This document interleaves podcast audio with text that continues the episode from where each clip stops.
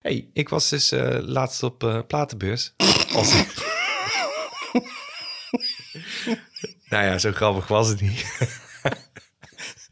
het begint al goed. Ja. Ja, maar ik was dus op de platenbeurs en weet je wat ik eh, daar vond? Nou?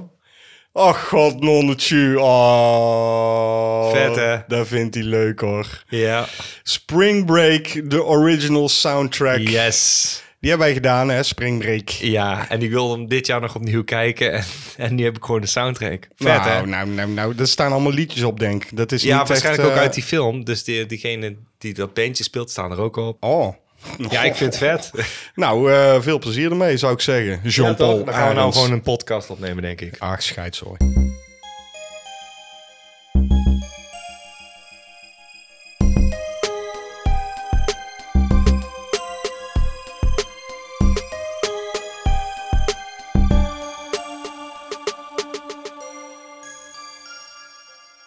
Fruit, Fruitvliegjes. fruitvliegjes, godverdomme. Fruitvliegjes. Hebben jullie daar thuis ook last van, mensen? Want wij Dan moet je hier- een glas pakken en dan moet je daar eh, cellofaan overheen spannen. Oh nee, dan moet je wel eerst in het glas wat oranje doen of wijn. Ja. Dan gaatjes prikken in het cellofaan en dan komen die fruitvliegjes, die kruipen daar dan in. Mhm. En dan verdrinken ze. Zelfs zonde van de ranja, zou ik zeggen. Ja, of van de wijn. Oh, wijn ook. Ja, tuurlijk. Net zoals deze wijn die wij hebben. Zeker, proost. hey, vijf jaar eh, cinemaatjes. eh, Oeh, daar gaan we het later over hebben. Daar gaan we het zeker later over hebben. Goed, het is eh, aflevering 19 van het tweede seizoen van Cinepraatjes, de podcast van Cinemaatjes. Ja, helemaal waar wat jij daar zegt. Jean-Paul Arends, die tegenover mij zit. Dat klopt, William van der Voort, die tegenover mij zit. Ja, en we zitten hier in een eh, sprankelend witte woonkamer. Ja, je hebt je best gedaan. Eh, het zweet parelt nog van zijn voorhoofd, zie ik. Ja, Alsof hij het net heeft gedaan. Maar dat is meer beeldspraak om bij te zetten. Dat eh, William de woonkamer... eh, daarom klinkt ook alles nu eh, wat beter, denk ik. ja, veel, eh, ja, het reflecteert beter ook. Ja. Hè? Dus ja, dat hoor je dan, denk ik. Ja, Wi- William heeft dus de woonkamer gewit. Dat is wat ik wilde zeggen. Ja, weet je hoe kut dat was? Ik weet hoe erg het is om te witten, maar ja, vertel. Nou goed, de woonkamer was dus al wit. Hè? wat heeft er dan voor zin? Dat heeft helemaal totaal geen zin. Dus eh, mijn vriendin die zegt, ja, het moet opnieuw gewit worden. En ik denk alleen maar, waarom? In godsnaam, het was al wit. Maar goed, ik ben er dan allemaal aan het witten. En dan, eh, ja, dan neem je even een pauzetje en dan denk je, waar was ik gebleven? En dat zie je dan niet. Je ziet geen verschil, je ziet het niet. En mijn vriendin zegt, oh, het ziet er echt zoveel beter uit. Kijk eens rond, JP. Ziet het er beter uit? Het ziet er wit uit, maar ik weet niet of het per se... Dus is nu- een filmpodcast trouwens. Ik moet heel even de luisteraars duidelijk maken. Dit is een filmpodcast en niet een klusjespodcast. Hoezo Wil je niet? het even weten? Nou, maar dit is wel een klusjespodcast. Goed. Dus je hebt daar om die hoek eh, wat eh, dingen gedaan, ja? Eerst alles eh, gewit met een kwast, zeg maar. De hoekjes en de, en de, en de voegjes. ja. En, Want dan kun je met die roller niet bij. Nee, dat lukt niet Nee. met een roller. En daarna ben ik dus met een roller eroverheen gegaan. Het plafond ook gedaan met een uitschuifbare roller. Ja, tuurlijk. Anders krijgt hij een rug. Hier, zoals je ziet eh, is het eh, sprankelend wit. Het is sprankelend wit. Nou, Ja, voor de luisteraars thuis, als je het een keer wil komen bewonderen, laat maar gewoon weten. ja we sturen wel... We maken wel foto's voor Instagram. Van nee, die- ja, ze Ja. mogen ook langskomen. Oh, dat kan ook. Ja. Ja. Hey, eh, eh, voordat we alle grote dingen aan spreken, ik wil een klein dingetje bespreken wat opviel. Volgens mij wees jij mij erop. Killer Camp? Wat de fuck was dat? ja, nee, ik zag het ergens langskomen Ja. op Facebook. En toen Ja, zei je, dit is toch gewoon woensdag? En toen zei ik, ja, daar is het. Dat is gewoon is gewoon woensdag. Woensdag, ja. Het principe van woensdag is namelijk dat er een programma, een televisieprogramma is, waarin jongeren eh, zich kunnen inschrijven. Zij doen het voor 10.000 trouwens in Killer Camp en wij hadden toen 50.000. Nou, moet je nagaan. Kun je nagaan. En, Guldens. Ja, nee, dat was, het was, volgens mij was het al euro. Oké. Ja, ja, dat was al euro. Eh 50.000 euro. Ja. Ja, ja de, de- waarin jongeren dus mee kunnen doen en dan worden ze opgejaagd door een moordenaar. Ja, Ja, nou, dat hadden wij dus verzonnen voor de film. En dat het dan misgaat en dat er dan een echte moordenaar opduikt. Ik ben even vergeten op welke zender dat uit... CW wordt het eh, volgens mij uitgezonden. Ah, Oké, is dat in Amerika dan? Ja, dat is Amerikaanse zender. komt de Flash en eh, de Arrowverse en al dat soort shows ook op. En Ja. eh, Riverdale en dat soort Ja. bullshit. In woensdag ging het over gewone jongeren hè, Ja. die daaraan meededen. En hier gaat het over influencers, volgens mij. Ja, maar ze moeten wel in een jaren tachtig setting worden ze dan ook weer geplaatst. Ik, Ik zeg, dit is het. gewoon helemaal, dit is gewoon woensdag. Dit is gewoon woensdag. Ik haat influencers. Eh, wij zijn ook influencers, al vijf jaar op eh, Nee, YouTube. ik weet niet wie wij beïnvloeden, William. Ik Nou weet ja. niet wie nou dit luistert en denkt, nou, dat, eh, dat, ik hoop het. Ik hoop heel vaak dat wat wij zeggen eh, gehoor vindt bij mensen. En dat Ja. ze zeggen, oh, nou, daar heb ik nog nooit van gehoord. Dit lijkt me een leuke film. Of zo moet ik mijn huis witten. Nou ja, de mensen die wij beïnvloeden, die zijn er wel degelijk. Want ik hoor wel eens van, oh ja, je had over die film, ben ik gaan kijken. En Ja. vond ik wel vet, of niet. Ja, dat, dat kan ook, hè. Ik vind het heel leuk om te horen en ik vind eh, juist die feedback heel tof. Ja, 9 van de 10 keer wel. En dan dat wij dus wel gewoon de juiste tip hebben gegeven. Van, oh ja, die ken ik nog niet. Gaaf man. Denk Ja. ja. nou dan ben ik blij dat je gewoon wel hebt geluisterd. En al zijn het maar een paar mensen, ik word er blij van. Dat is de reden waarom wij het al gewoon... Ja, er zijn er maar een paar. Het zijn er echt maar een paar. Ja, en toch, en toch. We doen het nou al vijf jaar. En ja, ik zou het leuk vinden als er meerdere mensen zouden eh, luisteren of kijken. Maar ik moet zeggen, het is geen reden om te zeggen, dan doe ik het gewoon niet. Dan stop ik er gewoon mee. Van, oh, er zijn maar tien man of twintig man.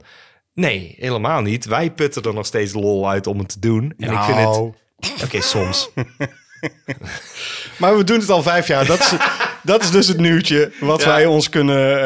eh, Permitteren. ja, permitteren inderdaad. En dan gaan we nu gewoon naar het echte nieuws. Het filmnieuws, zo, eh, zo Oh gezegd. man.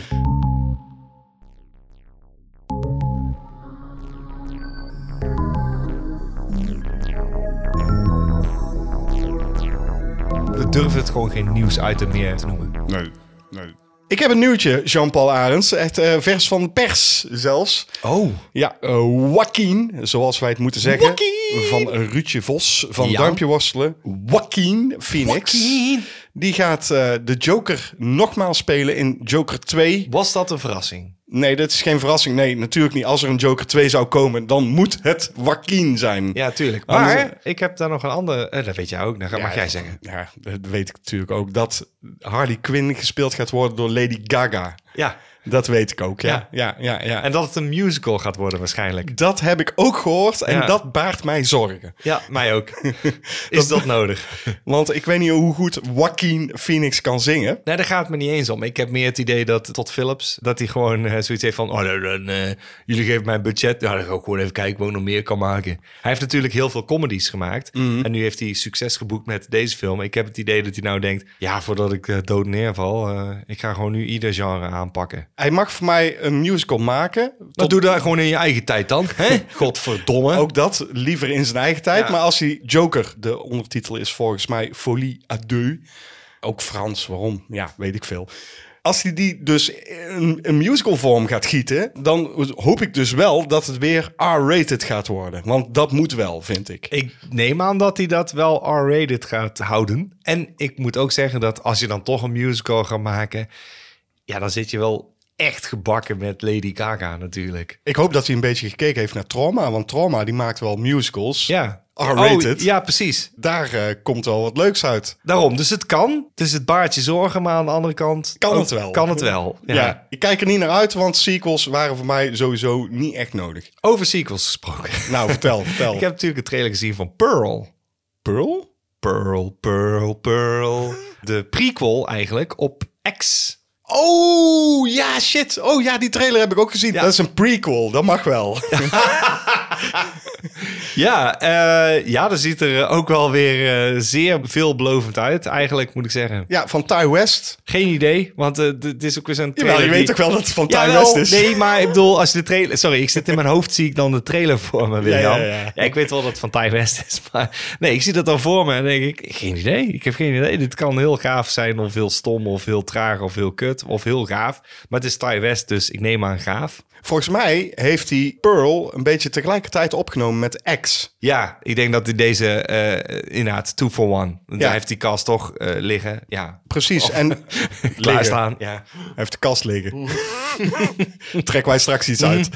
Uit de kast van Ty West. Ehm, nee, maar goed. eh, kijk, volgens mij heeft hij dat zo gedaan dat hij een beetje dubbel heeft opgenomen. Dus ook voor Pearl al wat dingen heeft opgenomen ten tijde van het opnemen van X. Wat op zich best slim is. Want wij kunnen nu zeggen, omdat we X hebben gezien, dat het wel een op zich staande film is. En als daar nog een ander ding uit te halen valt, dan vind ik dat heel knap dat hij dat in dezelfde tijd heeft gedaan. Nou, hij heeft dus met voorbedachte raden al geweten dat er nog iets uit te halen valt. Ja, maar dan, dan maakt het er gewoon wel een hele kundige filmmaker, moet ik zeggen. Hij dacht, oh ja, ik maak niet zo heel veel films. Laat ik er meteen maar eh, het onderste uit de kan halen als dat mijn budget is. Als hij het geschreven heeft, dan heb ik er wel vertrouwen in. Ik ook. En prequels mogen wel, wat mij betreft. Hey, ik heb trouwens nog een nieuwtje. Oh. Ik las namelijk dat er een eh, 4K Ultra HD versie, Blu-ray versie van Night of the Living Dead gaat komen. Godverdomme. En er werd tijd. En dat want- maakt hem niet minder zwart-wit. Nee, dat maakt hem zeker niet minder zwart-wit. Maar, Maar wel komt 4K. Ja, wel 4K. eh, sprankelend wit. Hè? sprankelend wit. Mhm. Dus dat wit is sprankelend. En dat zwart waarschijnlijk ook. Net als deze woonkamer. En boordevol met extra's. Interviews en shit. En Met- shit. Ja, ik, ik kan er allemaal op gaan zoeken. Maar daar heb ik helemaal geen zin Nee. in. Er zitten heel veel extra's op in ieder geval. Ja, gaaf. Vette film. Precies. Had jij nog meer? Jazeker. Ik heb een teaser gezien voor een serie, voor een film die wij hebben gedaan met cinemaatjes. Wij hebben natuurlijk een film die, die wij heel hoog hebben zitten. Let the right one in. En er komt een serie van. En dan zou je denken, nou, ik hoop dat ze iets anders gaan doen. Tot mijn grote verbazing, ja. Vraag aan jou. Ja, Jij hebt, jij hebt deze teaser gezien. Ja. Ik niet. Is dit daadwerkelijk een Zweedse? Nee, dit is Amerikaans. Volgens mij hebben ze wel... Het Eli heet Elias. Is wel een meisje. Dus prequel weer. Nee, het is volgens mij naar deze tijd getrokken. En ze, er komen nieuwe personages bij. En eh, volgens mij zoekt zij een cure voor haar vampirisme. Dat doet de teaser eh, suggereren. Toen dacht ik, dit heb ik nog niet gezien. Want waarom zou je de film nadoen? Dat is het. Als je dan toch denkt, oké, we hebben dan materiaal en eh, we gaan er iets mee doen. Doe er dan iets anders mee. Want die film die hoef je niet na te doen. Dan weten we al dat Let Me In, dat daar, ik bedoel, hoe goed gemaakt die ook is, dat is overbodig. Dat is het gewoon. Ja. En dat dacht ik bij die serie ook van, ah, gaan ze nou weer, we hebben Let Me In toch al gehad. Dit is iets anders. Ik zat naar het kijken en dacht ik, ik haal hier niet per se, eh, ja, oké, het jongetje is nu eh, volgens mij een donker jongetje, maar dat is een ander jongetje en die besluit vriendschap met die vampier. Er zit volgens mij eh, die verzorger, zeg maar, van haar is jonger. En toen dacht ik, oké, dus ze pakken dezelfde personages, maar ze vertellen een ander verhaal. Ja, en toen ja. dacht ik, oké, mag van mij. Als je dan toch een serie gaat maken, ben ik wel blij dat ze niet een soort herhalingsoefening gaan doen. Ze gaan iets anders doen. En deze teaser trailer suggereert dat het iets anders is. Ik liep niet meteen warm, William, maar ik had wel zoiets van: dit moet ik even gezegd hebben, omdat eh, wij hebben natuurlijk eh, Let the Right One in hoog zitten, de Zweedse film. Ja. Maar eh, ja, dat dus. Ik heb een verschrikkelijke trailer gekeken. Die leek wel eh, door iMovie te zijn gemaakt. Namelijk de trailer van De Munsters Oh ja. van eh, Rob ja. Zombie. Ja, ja, ja, ja, ja. Dat, is niet, dat geloof je gewoon niet. Je denkt namelijk, dit is grap. Dat is niet te doen. Ja, 40 miljoen, hè? Kost, eh, 40, 40 miljoen. Het ziet er niet uit. Green screen all the way. En Niet alleen, ze hebben ook natuurlijk van, ook van die ledlampen op staan, zodat het helemaal goedkoop overkomt. Van Ja, groen, man. rood, blauw. Dat is van, ja, maar ik weet dat er mensen zijn en die hebben die trailer in het zwart-wit gemaakt. Ja, het ziet er zoveel en het beter ziet er uit. zoveel beter uit. En oh, oké. Maar als Rob Zombie zelf ballen had gehad, dan had hij dit gewoon zwart-wit gemaakt. Die serie was zwart-wit. Hij houdt van die serie. Dat is ook de reden waarom hij zei, oh, ik wilde wel doen. Ik ben fan. Ja, dat je fan ergens van bent, dat zegt dus niks, want hè, Halloween. Ja, hij Ja. kan alles kapot maken. Hij kan alles kapot maken. Maar goed, er valt niet zo heel veel kapot te maken aan de monsters, denk je. Nou, dan heb je deze trailer nog niet gezien. Mijn god, dit is niet normaal. Ik geloof dit niet. Ik geloof, dit kan, dit nee, kan niet. kan niet, je kan niet geloven. Als je ernaar kijkt, dan denk je, dit is niet af. Dit Dat is het ook niet. Het geluid is slecht. Zo eh, niet normaal. Het beeld is slecht. Licht is slecht. eh, de De, green de, screen de is slecht. effecten, de after effect, eh, bliksems, die, die, oh mijn god, je denkt, oké, dit oogt inderdaad als een fanfilm. En natuurlijk is The Munsters een sitcom uit volgens mij de jaren 50, 60. Ja, en ik was heel bang dat mensen dan zouden zeggen, ja, maar dat was ook campy. Het was wel campy Ja, maar niet zo campy. Ja, Echt hij, niet. hij maakt het extra campy. Misschien ja, wil hij dat. Nee, maar dan begrijpt hij het gewoon niet. Want je zou kunnen zeggen, oké, dan is het campy. Het was niet zo campy als fucking Batman bijvoorbeeld. Die wisten heus wel wat ze aan het maken waren. Nee, ik word niet boos van. Ik kan het gewoon niet geloven. Dan stoppen is- we ermee. Dan stoppen we ermee. Ja. Het is- ah. Wat had jij nog meer dan? Oké, ik heb een trailer gezien voor Don't Worry Darling. Met eh, onze Florence Pugh. En die zit ook in Midsommar. Ja, ja. Oh, en ja. deze hele trailer doet suggereren dat ze weer in een cult betrokken is geraakt. En toen dacht ik, hoe? hoe? Hoe kun je... Heb je niet geleerd? Heb je niks geleerd van Midsommar? hoe, hoe tuin je hier weer in, Florence? Nou ja, ze werd natuurlijk op handen gedragen aan het eind van Midsommar. Misschien is Ja, dat eh, de nou, reden. nou, nou, kan van de ene cult in de andere. Ja. Ik heb dat gezet onder de trailer. Van de ene cult in de andere. Niemand op gereageerd. Dacht ik, dat is een goede grap. Het is ook weer dat je denkt van, nou, hier heb ik ook geen zin in. Nee, niet echt. Hoe- maar ik hoe wil het heet gewoon het? gezegd. Don't Don't, worry, darling. darling. Oh. Eh, het is gedaan door Olivia Wilde. Eh, wel een enorm mooie vrouw is dat. En die is nou eh, aan het regisseren geslagen. Waarom? Ik weet wel dat er een eh, vete is tussen eh, Florence Pugh. Die eh, heeft een vriend. En die kent Jason Sudeikis. En Sudeikis was vroeger met Olivia Wilde. Ja. En zij promoot deze film niet. Dus eh, Olivia Wilde eh, is nu met Harry Styles. Dat is, dat is, het is nieuws, dit is een nieuwssegment, hè? Ja, ja wow. Olivia Wilde is dus nou met... Die was dus met eh, Jason Sudeikis en die is nou met eh, Harry Styles. En dat neemt eh, Florence haar niet in dank af. En dat is ook de reden waarom ze deze film helemaal niet promoot. En ze zit wel als de hoofdrol in deze Ja, ze film. zit als hoofdrol in deze film. En eh, Olivia Wilde post elke ding van... Nou, zij heeft zo goed werk geleverd in deze film. En Florence reageert niet op haar tweets... of liked niks van de posts. Gedoemd om te mislukken Oftewel, dus. deze film is gedoemd om te mislukken. Ja. Omdat, eh, nou, dan had je dat gewoon niet moeten doen, Olivia. Hè? Nee. Je had gewoon met mij moeten bellen. Klaar. De Harry Styles van Tilburg. Ja, de Harry Styles van Tilburg. Harry Stijlen. Ja, Harry de Stijl. Eh, over gedoemd om mislukken gesproken. Deze hele podcast. De- deze podcast is ook gedoemd om Nee, mislukken. joh. Jawel, Nee, jawel, jawel, jawel, jawel. Want we hebben helemaal niks voorbereid weer. Het is allemaal kut. Maar goed, eh, wat ook gedoemd is om te mislukken is eh, de film Orphan First Kill. Oh, oké. dit moet ik even de luisteraar vertellen. Wij eh, hadden natuurlijk de Monster trailer. Ik kon het niet geloven. Ik moest het aan niemand laten zien. En toen dacht ik, laat ik de vieze smaak wegspoelen. Ik klik Orphan aan. En William had hem al gezien en die zei niks. Nee, ik zei niks. En ik denk, nee, dat maakt, dat maakt het niet beter. na, na de Monsters. denk ik, nou, ik hoop dat dit iets is. Nee. Het is, het is verschrikkelijk. ook gewoon, dit is nou een typisch gevalletje waar jij eerder aanhaalde.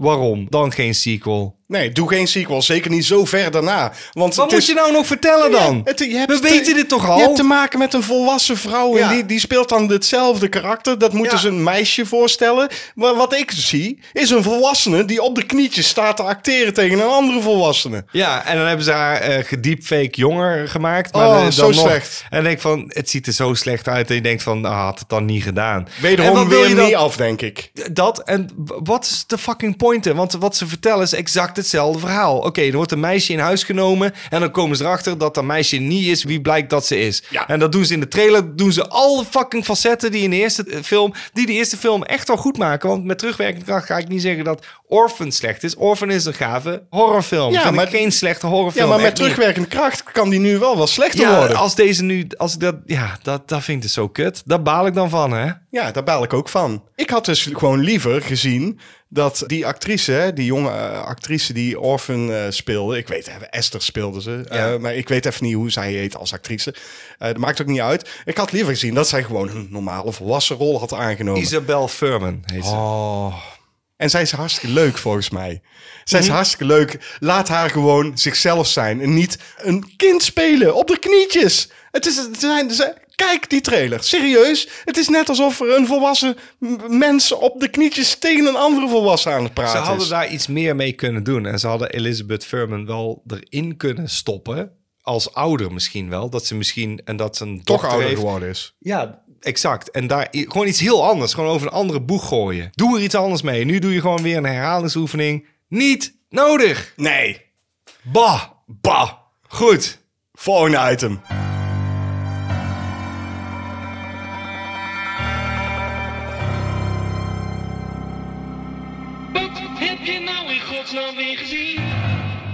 Ik zag op HBO Max dat er een nieuw seizoen is begonnen van Primal. Waar ik het in de vijftiende aflevering van Cinepraatjes, de, podcast van Cinemaatjes, over heb gehad. Ja, ja. dat is dus een animatieserie. Die gaat nog steeds over een Neandertaler die een vriendschap heeft gesloten met een dinosaurus. En die een aantal avonturen beleven in een fantasierijke omgeving.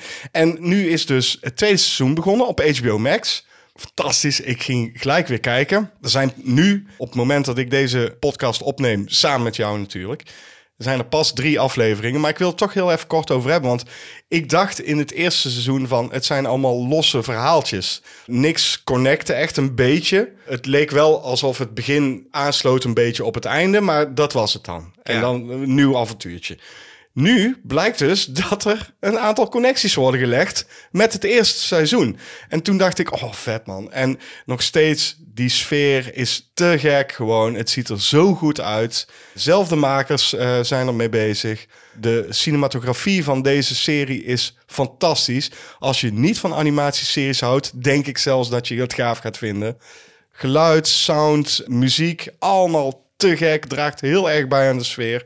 En ik kan niet vaak genoeg zeggen, ga dit kijken mensen. Ik heb want sowieso alvast eh, de eerste aflevering gekeken en ik kan beamen, het ziet er fantastisch uit. Dit is gewoon een van de beste animatieseries van de afgelopen jaren. Ja, ik ben niet per se een animatiefan, maar ik geloof hier eigenlijk in. Dit is gewoon echt supergoed. Oké, ook heel kort eh, een, een aside wat ik heb gezien. Ik heb een fanfilm gezien en toen dacht ik, oké, dat is misschien wel het allerbeste wat ik in tijden heb gezien. Iemand heeft een eigen 11 minuten durende eh, animatie eh, gemaakt met Dragon Ball Z. Eigen verhaaltje. Het heet Legend. En wauw, wat een animatie. Ik ga niet eens uitleggen waar het over gaat. Maar dit is gewoon... Op YouTube. Op YouTube, fanfilm, Dragon Ball Z en dan Legend. Dan kom je er. En man, maar de, de reacties zijn ook allemaal lovend van... Mijn god, is het een fanfilm? Dit heeft één iemand gemaakt. Echt waar? Dit heeft één iemand gemaakt. Voice casting is perfect. De animatie is waanzinnig. Dat je echt gewoon verrast. eh, er wordt natuurlijk gevochten, want het is Dragon Ball Z. Die gevechten zijn geweldig gedaan. Het is 11 minuten lang actie. En ik had zoiets van, oké, wauw. Oké. Wauw, dit is één iemand. Ja. Fuck. Ik bedoel, de rest van Hollywood moet zich kapot schamen. Echt kapot schamen. Dit, huur hem. Huur hem in. Zal ongetwijfeld gebeuren. Als Ik denk het wel, want eh, deze heeft zoveel eh, traction, zeg maar. Zoveel mensen, ook Dragon Ball Z-fans. Ik ben een Dra- Dragon Ball Z-fan, uh, sowieso. Ik vind het een heel gave, unieke takefilm met een unieke stijl. Ik had al heel lang niet meer eh, ooit iets gevolgd van Dragon Ball Z. En ik zag dit en dit raakte eh, mij echt van... Oh mijn god, die ziet er echt goed uit. Fuck, die... Oh, pap, pap, pap, pap, pap. En weer die energiegolven, draken. Zo, heel vet gedaan. Het was afgelopen zo van... Oké, voor een fanfilm... Wauw. Maar dat kan nooit zo vet zijn als Primal op HBO Max. Check die shit. ja, dat moet ik toch even gezegd hebben. Dan kom jij er ineens doorheen met een of andere fanfilm op YouTube. Ja, Animatie, dat was, Ja, de, dat was de, over, ja, dat de was de overkoepelende- aansluitende, ja. uit, aansluitende ding was Dan ga je nou animatie. zeggen dat iemand op YouTube een betere animatie heeft gemaakt? nee, jij Dan- zei dat de goede animatie was. Ik zei nou het beste wat ik in tijd heb gezien was dat. Ja, nou, dat kan nooit beter zijn dan Primal. Ga Primal kijken, Ik heb JP. Primal gezien. Ik vond de, Ja, van één aflevering. Fan, ja, Dan heb je het niet echt gekeken. nee, maar één aflevering. Wat heb je nog meer gekeken dan? ik heb een film gekeken. Oh, heb je een film gekeken? Hij heeft een film gekeken, hoor. Oh. Ja, nee, doe, doe die van jou maar eerst, want eh, ik weet nou al dat het wordt helemaal niks meer. William, vertel jouw film maar. Wat heb jij gekeken? Jij hebt iets gekeken wat gaaf was, zei je mij. En ik weet niet wat het is. Oh, durf je niet meer? Nee, absoluut niet. Hoezo niet? Eh, Nee, nee, nee, nee, dan ga je het nou weer ondermijnen. Nee, is helemaal nergens voor nodig. Nee, ik ondermijn helemaal niks. Jij ondermijnt mijn Primal. Nee, door ik, een of nee, nee, te nee, noemen. nee, nee, nee, dat, dat vat je helemaal verkeerd op. De enige reden dat ik dacht, oh gaaf, jij hebt het over een tekenfilm. Dat klopt, dan heb ik ook nog wel iets. Ik dacht dat jij klaar was met je Primal verhaal. Je, hebt het, al ook. een keer, je hebt het al een keer aangeraden en nu is er een tweede seizoen. Fine. En toen dacht ik, oké, dan moet ik niet vergeten dat er ook een andere animatieding is, wat ik heb gezien, wat ook gaaf was. Ik heb dat niet eens opgeschreven, dat was gewoon on the fly, dus was gewoon spontaan. En als dat problematisch is, dan laat me zitten. Fuck you. Doe jij je film maar. Oké, luister. JP, ik heb dit gezien. Deze film. Oh mijn god. Als ik de titel zeg, dan ben ik benieuwd of dat een belletje doet rinkelen bij jou. Komt-ie. De titel van de film is Before the Devil Knows You're Dead. Nee, nee, dat zegt me helemaal niks. Nou, en dat is dus tragisch. Dat dit gewoon niemand waarschijnlijk iets zegt. Het zei mij ook niks. En het zegt waarschijnlijk een hele hoop mensen niks, als ik het nu zeg. Uit Hier- welk jaar? Begin daar eerst maar eens mee. 2007. 2007. Ja. Oké, dan heb ik er waarschijnlijk echt al een keer van gehoord. Maar het zegt me nu inderdaad niks. Weet je waarom dit tragisch is dat mensen dit niks zegt? En waarschijnlijk zijn er een hele hoop luisteraars die denken...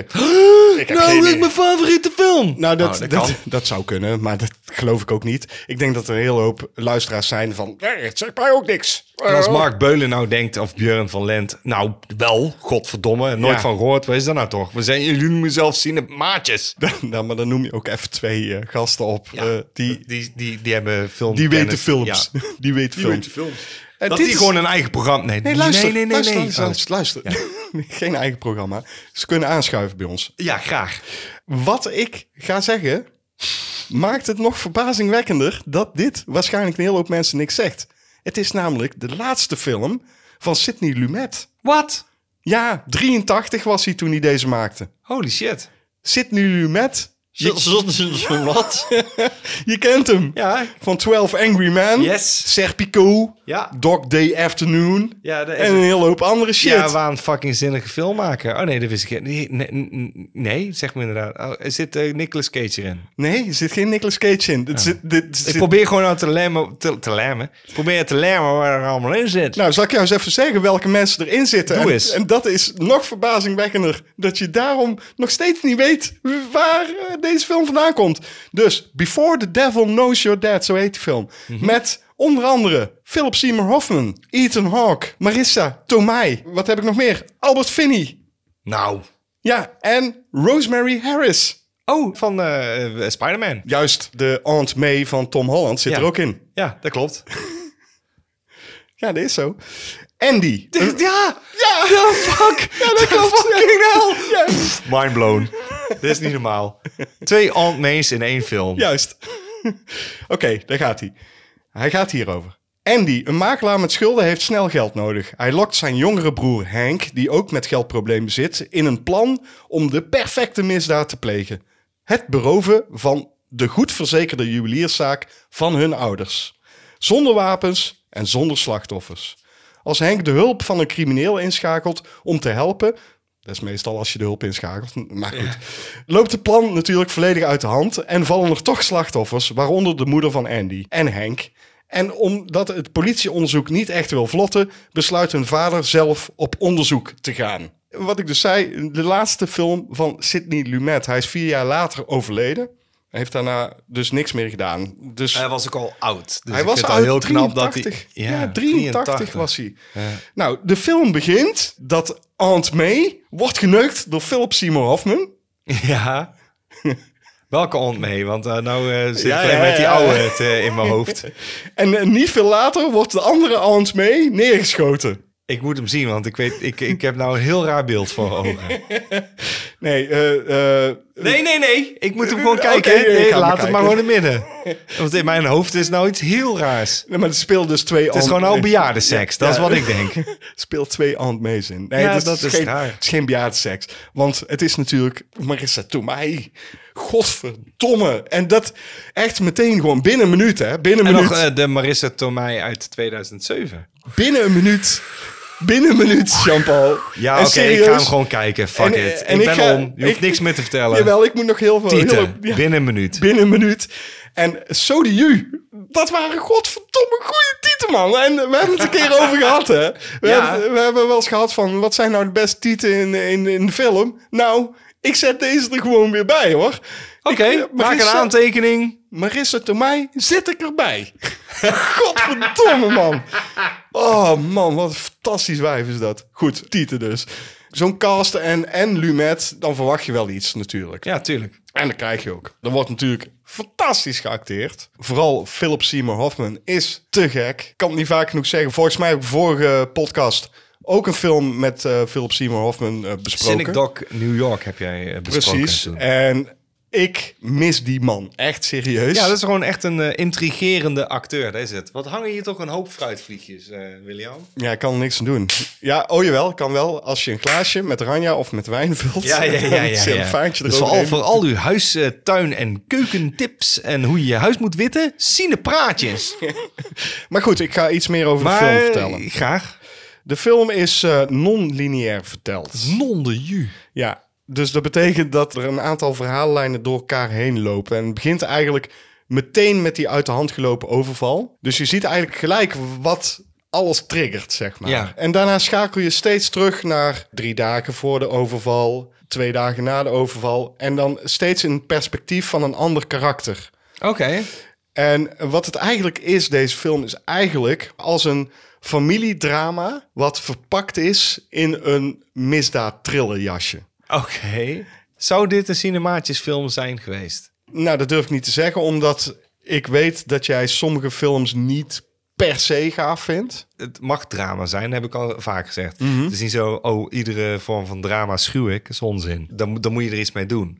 Maar wat je net vertelt, denk ik bij mezelf... Oh ja, eh, oké, het, het, misdaad eh, tintje zit erin. Een thriller tintje, een, een heist waarschijnlijk. en dan ook nog lin- non-lineair. Ja, Dat doe je er iets mee. ja. Dat interesseert mij enorm. Denk je dat ik hem leuk zou vinden? Dat is misschien een hele goede vraag. Ik denk dat jij hem wel goed vindt. Ik Ja? denk niet dat dit per se een cinemaatjesfilm is. Want ik denk dat jij hem wel goed gaat vinden, omdat de karakters worden echt heel goed neergezet. Ik, ik, serieus, je had me al eh, toen je het, gewoon bij vijf zinnen van de, de omschrijving en zeker de titel van Marissa Tomei. eh ja, Nou, maar het is vooral de chemie tussen eh, Philip Seymour Hoffman en Ethan Hawke, die dus die twee broers spelen. Dat is gewoon fantastisch. En je voelt gewoon op een gegeven moment, het, het ontrafelt zich ook steeds meer door die non-lineaire vertelling. Ontrafelt de verstandhouding tussen al die karakters, eh, ontrafelt zich steeds meer. En dan Ja. begin je steeds meer te denken van, oh mijn god, het is echt zeer intrigerende film om te kijken. Natuurlijk heb je Sidney Lumet die gewoon fantastische shots kan maken. De productiedesign van deze film is ook enorm gaaf gewoon. Dat je denkt van, nou ja, ik zit echt naar een gewoon keigoede film te kijken. Het enige minpunt wat ik heb is dat Sidney Lumet heeft vlak voordat hij deze film maakte aan eh, wat tv-producties gewerkt. En daardoor is hij in aanraking gekomen met digitaal filmen. En digitaal filmen is niet per se gaaf. nee, ik, eh, ik storm me er ook eh, best wel vaak aan. En, en dat is niet ten nadele van mensen die niet anders kunnen. Maar ik vind het voor een grote productie... Ja. Er zijn oplossingen te vinden om het er minder digitaal uit te laten zien. Dat is gewoon zo. En wat hij heeft gedaan, is hij dacht, dat digitaal filmen, dat is de toekomst. Ja. Ik ga nu digitaal filmen. En hij heeft deze film dus in zijn geheel digitaal gefilmd. Waaraan valt het dan zo enorm op dat het digitaal is? Is het gewoon... eh, ja, leg uit. Ik dacht elke keer van, zit ik naar een soort van tv-film te Ja, kijken? oké. ja, nee, precies. Oké, dan, heb het- dan heeft het waarschijnlijk toch te maken met de framerate. Ja, dus ik, ik dacht elke keer van, ah, fuck. En eh, de shots zijn fantastisch. Echt Ja. serieus. Er zitten kei mooi bewegende shots in, lange shots. Super gave locaties. En dan is het tv-achtig. Dat is jammer, Sydney. Dat had je niet moeten doen. Het is wel een minpunt. Niet dusdanig dat ik zeg, nou, dan kijk hem maar niet. Maar als je hem op film had geschoten, analoog dus, Dan had hij waarschijnlijk nu in je top 10 gestaan. had het een tijdlozere film geweest. Oh, oké. daar kan ik in komen. Maar ik raad hem zeker aan. Dus eh, ga hem gewoon kijken.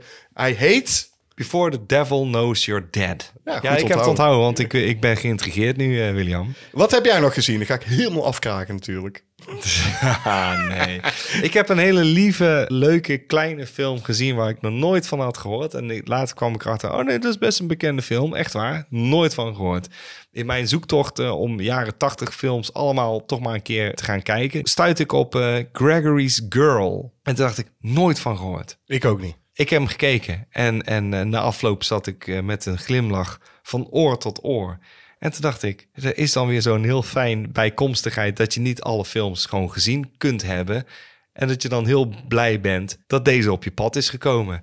Het is een hele kleine, lieve coming-of-age film over de iets wat naïeve Gregory. Die zit in een voetbalteam en hij eh, wordt er waarschijnlijk door zijn coach uitgewerkt. Die zegt ook van, hey Gregory, eh, zo slecht gespeeld. En Gregory die eh, schokschouderig zegt van, ja, maakt u niet uit. We zijn allemaal heel slecht. Doe maar even wisselen. Ja, precies. Maar die coach zegt, ja, maar misschien moet ik jou dan wel... Ik moet jou gewoon waarschijnlijk eh, eruit eh, gooien. Voor, voor- we willen toch wel gewoon winst boeken. En Gregory zegt, ja, tuurlijk. En hij gaat naar huis. En, eh, maar je merkt al dat hij tegen zijn vriend eh, zegt van... Zou die me er echt uit gaan gooien? Want dat weet ik niet helemaal zeker. Die coach die houdt inderdaad een eh, auditie... om te zoeken naar een nieuwe ster. En dan komt een meisje op af. En die coach heeft zoiets van... Ja, hallo, nee, nee, nee, nee, nee. Het, ik zoek een jongen, hè? En dan zegt de meisje... Ja, maar dat heb je helemaal nergens gezegd. Je hebt helemaal nog niet gezien wat ik kan doen. En die coach zegt, ja, maar ik, ik- weet je wel, die wordt een beetje voor het blok gezet van, ja, maar ik, ik zoek daar, ik moet, het is een jongensteam en ik kan, ik kan het niet zomaar doen. En, eh, en de meisje, nou, laat maar gewoon, eh, geef hem gewoon een kans. En die coach, oké, laat maar zien. En de meisje begint te voetballen en die voetbalt echt hartstikke goed. Dorothy heet het meisje. Oké. En aan de zijlijn staat eh, de inmiddels op non-actief gezette Gregory. Gregory, ja. En die kijkt en die denkt, nou, dat is een geweldige meid. Ik denk dat ik verliefd ben. En dan vertelt hij ook aan zijn maatje. En zijn maatje die zit op een soort koksopleiding, denk ik. En die maakt koekjes. Het is een soort huishoudschoolachtige setting. En die zegt van, ja, hoe weet je daar zeker dat je verliefd bent? Het doet een beetje denken aan eh Superbad, deed het me aan denken. Ja, ja, oké. Die setting ook van, eh, die, die weet je al, eh, ze- hij, er komt een meisje aan en die krijgt een klap op de achterste en die loopt weg en dan heeft ze zo'n deegafdruk op de reet staan. En ik moest daar wel om lachen. Zo van, daar wordt niks over gezegd. Dat is helemaal niet too much. Nee, dat is niet too much, want dat was gewoon teken van de tijd. Wat ik leuk vind aan deze film is, eh, oké, Gregory is dus verliefd op Dorothy en hij, eh, hij wil er natuurlijk een keer mee uitvragen. Dat is eigenlijk de speel van de film. En dan neemt de film een paar onverwachte leuke wendingen. Ik heb een paar keer hard moeten lachen om de geschetste dingen. Want de film komt uit 1980 en dacht ik, ah, dat zou misschien gedateerd kunnen zijn. Helemaal niet. Want die coach bijvoorbeeld wil er niet aan dat er een meisje in zijn team komt. En dat kaart hij dan op een gegeven moment aan bij het hoofd van de school. En het hoofd van de school zegt... Ja, geweldig, zegt die directeur. Geweldig, geweldig. Daar moeten we gewoon meer... Pro ja, ja, ja, ja, zegt die eh, coach. En ik, ja, dat moeten we inderdaad doen. Ja, ja, ja, ja, zeker. Zeker goed. Dat hij Het een- zou helemaal in deze tijd passen. het past ik. helemaal in deze tijd. Want het mooie van deze film vind ik... Gregory is een nitwit, een dombo, een naïveling. Hij is niet een achterlijk figuur of zo... maar hij is zo naïef en zo groen... dat hij niet weet wat meisjes eh, behelst. En hij is awkward, ook in zijn gedrag. Ook als hij probeert Dorothy te versieren of iets te vragen... dan schaam je je een klein beetje voor hem. Want je denkt, oh, jongen toch, nee, nee. Je, je weet niet wat je moet doen, dat is het. En dat, dat is heel herkenbaar als tiener zijnde. En dat maakt de film leuk. Maar wat je wel merkt is dat de meisjes slimmer zijn dan de jongens... en veel meer het voortouw nemen... En dat blijkt uit alles. En wat ik ook leuk vind, is dat ze een soort reversal hebben gedaan met de volwassenen praten meer als tieners. En de tieners praten, naarmate de film vordert, meer als volwassenen. Oké. En dat is gewoon een. Het, het schrijfwerk is heel gaaf. Het is een coming-of-age film. Het is een comedy. En ik heb gewoon een paar keer echt hard moeten lachen. Zo van, dat vind ik een leuke grap. Dat vind ik een leuke situatie. Dat vind ik een goed geschetste scène. Bijvoorbeeld, er loopt elke keer een mascotte en die, die vraagt waar die naartoe moet. En dat is een pinguïn. En die loopt de hele tijd door de gang en dan krijgt hij aanwijzingen van waar hij naartoe moet. En dan zie je dus elke keer op de achtergrond een pinguïn lopen. En dat is gewoon niet een. Nee, naar rechts. Daar is het. En, en die zie je dan zo waggelen door de gang. En er wordt geen uitleg aangegeven waar die vandaan komt of wat hij gaat doen. Ja. En dan zit in heel de film door zit dat. En toen dacht ik, dat vind ik een goede grap. I like that. Voor een film uit 1980 vond ik hem verrassend hip, modern en helemaal niet gedateerd. En dat verbaasde mij. En na afloop dacht ik, wat een lieve film. Ik kan iedereen deze film van harte aanraden als je zoiets hebt van... ik wil heel veel een vleugje nostalgie proeven van hoe het was om vroeger verliefd te zijn. Weet je wel, dat, dat de vlinders in je buik... En het is geen dramatisch film ook niet. Het, het raakt geen dramatische dingetjes aan. Wat ik dus ook als aanbeveling wil geven... is dat het eh, ja, best wel inderdaad modern is. Want vrouwen in deze film eh, nemen het voortouw. Daar Ja. is het gewoon. De- op het einde van het liedje is van... ja, we zitten in een nieuwe tijd. Doe even normaal, man. En toen dacht ik, dat is 1980, hè? Daar werd ik gewoon heel blij van. Ik denk dat ik deze wel eh, zeker eh, in mijn eh, top 50 eh, van betere films... die ik de afgelopen tijd heb gezien, ga zetten. Zo, dat is. Ja, het is geen flink. Het is geen. Het is geen, het is geen, minst, geen mindere uitspraak, inderdaad. Aangenaam verrast door deze Gregory's Girl.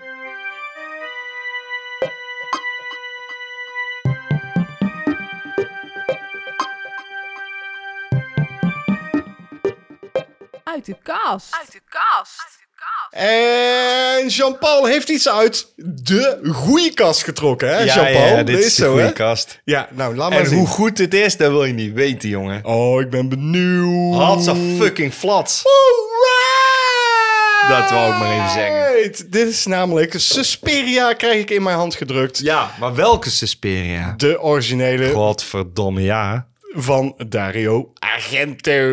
Argento, is hij dan? Hier voorop staat een van de beste horrorfilms ooit gemaakt. Natuurlijk heb ik Tuurlijk. Suspiria gezien. Jij hebt Suspiria gezien. Ik heb zelfs de remake gezien. Ik heb de remake afgezet. Snap ik. Ik maar er weet- zat wel Dakota Johnson in. Ja, die heb ik even nog zien dansen. That's it. Nee, heb je niet gezien. tijdje geleden. En, eh, Maar ook- jij was wel fan van Dakota Johnson. Ja, maar dat wil toch niet zeggen dat ik dan denk van... Nou, hier ga ik eh, nou, ik dacht eigenlijk dat jij dacht van, oh dan, ja nee, nou oké, ik had hetzelfde. Nee, ik, eh, ik dacht ja. gewoon, Suspiria, nee, dan moet je niet remaken. En dan doen ze het wel. En dan duurt het gewoon 2,5 uur. En dan denk ik, ja, waarom? Oké, eh, maar mag ik daar dan iets aan toevoegen? Ja. Want, want ik heb al iets over de remake. Weet je wat ik daar jammer aan vind? Ze hadden het zo makkelijk een vervolg kunnen maken of een prequel of een andere film. Ze had niet Suspiria hoeven noemen. Het had een vervolg kunnen zijn waarbij je dan later achterkomt van... Bijvoorbeeld dat ze zeggen... Oh, en eh, we hebben al een keer eerder eh, een, een meisje gehad in de dingen. Ja, in Berlijn, eh, in Berlijn. Ja, exact. Dat hadden ze kunnen doen. En dan zou ik denken...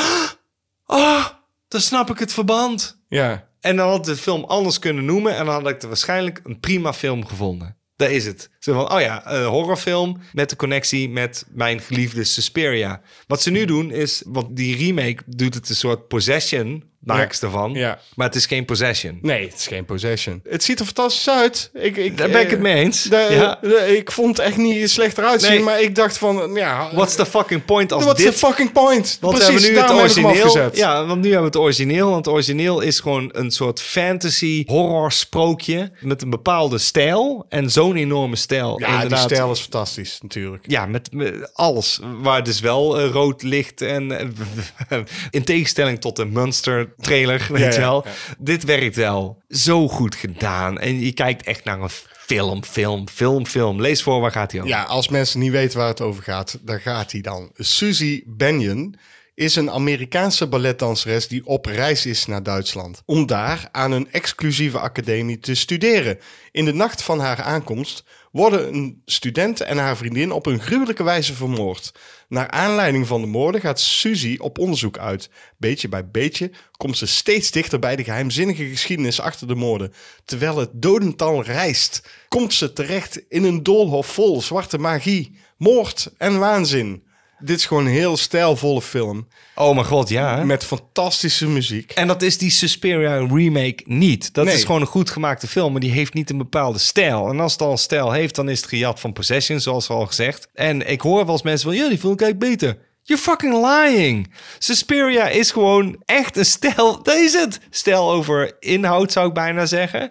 Want dat is ook gewoon zo. Maar mijn god, dit is gewoon eh, een, een ervaring. Deze moet je gewoon een keer gezien hebben. Dit is gewoon cinema. Dit wil je gewoon zien. Dit wil... en, en dit hoeft geen 2,5 uur te duren. Nee, helemaal niet. Wat, Nee. Dat is dus met die nieuwe... Hoe lang Suspiria- duurt deze? 95 minuten. Godverdomme, perfect. Super. Ja, en dan heb je gewoon een keigave film gezien. Heb je een fantastische ervaring beleefd. Heb je gave muziek gehoord. Oh, die spannende muziek. Goblin. Goblin heb ik live gezien dat ze dit eh, speelden, deze soundtrack. Maar dit is gewoon een van de betere films van Argento, moet, moet ik gewoon eerlijk zeggen. Ja, er zit een fantastisch shot in als hij uit het raam kijkt en dat er dan in één keer van die ogen. Oh man, dit is echt een heerlijke film. Ik, eh, deze verveelt nooit. Ik heb deze gezien toen ik eh 16, 17 was. Dan dacht ik, wauw! En toen was hij al oud, hè? Dat moet je je voorstellen. Dat is in de jaren 90. En dan dacht ik, wauw! Wat een gave film! En dan kijk je hem tien jaar later en denk je, ach, ik vind hem nog steeds fucking vet. En dan kijk je hem tien jaar later en denk je, ja, alles. Gewoon de kleuren, de, de manier van film maken. De En productie, de productie, de, hoe het de muziek. locaties, Ja. alles is En, perfect en, en, gewoon. en denk ja, dit, ook, het maakt niet uit eh, hoe je het ervaart. Iedere ervaring was tot nu toe prettig. Tuurlijk, ik kan heus wel door bepaalde dingen heen prikken en zeggen, oh, dat had ik misschien anders gedaan. Of eh, misschien dit. Denk ik, nee, nee, nee, nee, nee, nee. Die zijn zo minimaal, die eh muggenziftpuntjes, Mhm. dat eh, de overal ervaring is. Dit is gewoon een, een geweldige film. Ik snap niet waarom mensen überhaupt zich kunnen scharen achter de remake. Dit is het origineel. Ik begreep ook niet die dubbelrol van Tilda Swinton. Oh die mijn snapte god! ik niet. Nee, ik ook niet. What Ik kon, daar fuck ook was niet dat? ik kon daar niet naar kijken ook. Oké, dus eh, er wordt een oude vent op een gegeven moment geïntroduceerd. En dacht ik, dat is een vrouw in make-up. Ja, dat had ik ook meteen. En toen zag ik Tilda Swinton op een gegeven moment in die school. En dacht ik van, het godverdomme Tilda Swinton. Die oude vent is ook Tilda Swinton. En toen zat ik in mijn hoofd alleen maar dit te denken. Zij doet zich misschien voor als die oude vent. Maar ze is eigenlijk gewoon ook die... Maar nee, nee, dat heeft helemaal niks met elkaar te maken. Het heeft er alleen maar mee te maken dat Tilda Swinton twee rollen wilde spelen. En dacht ik, dat is zo verwarrend. Why the fuck zou je dat doen? Ja, dat snap ik helemaal niet. Als die oude vent nou iets te maken zou hebben gehad met die school, dit en dat, maar dan echt direct. En zij zou zich voordoen als die oude vent. dat en dan weet ik dus niet, want ik heb niet afgekeken. Maar goed, Oh mijn god, ik werd er boos van, man. ik dacht misschien heeft dat nog wel een connectie met elkaar. niet. Maar dat is dus nee, niet. Tilda Swinton zit dus ook op die school en dat heeft nul connectie met elkaar. Zij speelt een ander personage als die oude vent en dacht ik, dat moet je niet doen. Nee, maar ik zag die oude vent en ik dacht, dat is geen oude vent. En Ja, ja, toch? Ja. En, en het enige wat ik dacht de hele tijd, het is geen oude vent. Het is geen oude vent. Waarom? Waarom doe je dit? Ja, waarom? ik- eh, het waarom- haalde mij compleet uit de film. En ik weet dat de mensen zeiden, oh, ik vond het echt heel gaaf. Nee, die scène haalde mij eruit. Want toen zat ik alleen maar te denken, waarom? Ja, Cas gewoon een oude vent, dacht ik elke keer. En toen was de film afgelopen. En toen dacht ik, dat dat er geen enkele fucking reden dat dat fucking Tilda Swinton was. Alleen om te zeggen, ik kan ook een oude vent spelen. En dan kun je er Ja. nog zo goed eh, Dakota Johnson in eh proppen. Ja, maar- dat helpt dan ook niet. Nee, nee, nee. Dan kijk En liever naar Marissa is- Tomei. Ja, en het einde is echt kut, jongen. Ja, heb ik niet gezien. Nee, kijk gewoon het origineel. het Degene origineel. die wij net uit de kast hebben getrokken. Precies.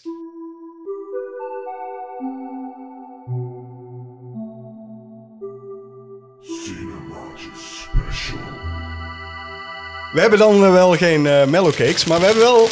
Oh, we hebben iets wat kraakt. We Oh. hebben iets wat eh, heel vervelend is.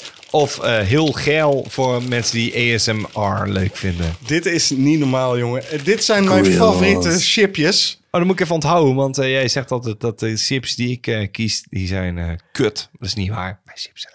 Nee, ik hou niet van die Doritos en, en Doritos. na- nachos. eh, Zo nee. raar. What a Maar dit zijn grills eh, van het merk Lees. Ja, mijn chipjes zijn ook gewoon van een merk. Luister, Ja. eh, vroeger heette deze Grillo's. ja. Serieus, ik weet niet waarom het veranderd is in grills. Maar het ding is, deze zijn bijna nergens te koop. Je kan bij de Albert Kom Heijn... je hier aan de- dan? de- de- gewoon bij de Jumbo. Bij de Jumbo. Bij de Jumbo. Bij de Jumbo. Liggen ze nog. Dus als mensen denken van, nou, waar gaan ze nu toch eten? Grills. En die kun je kopen bij de Jumbo. Ja, we zijn niet gesponsord door de Jumbo. Ik, hoop dat, ik wou dat we gesponsord werden door de Jumbo. Ik wou dat we gesponsord werden door Grills. Godverdomme. Lees, kom op. Nou, dit is, eh dat plakt enorm aan je eh, dus dit, dit komt de podcast niet ten goede. Heet maar... het grills omdat het eruit ziet als een grill? Ik weet niet waarom. Het ziet eruit als een soort kleine eh sperripjes. eruit als dit. Sperripjes. ja, zo ziet het er wel uit. Een grill. Nee, maar het zijn grillo's. Ik noem ze ook nog steeds grillo's. Maar ze zijn fucking lekker, jongen. Echt. Dat is lekker, toch? Ja. Proef.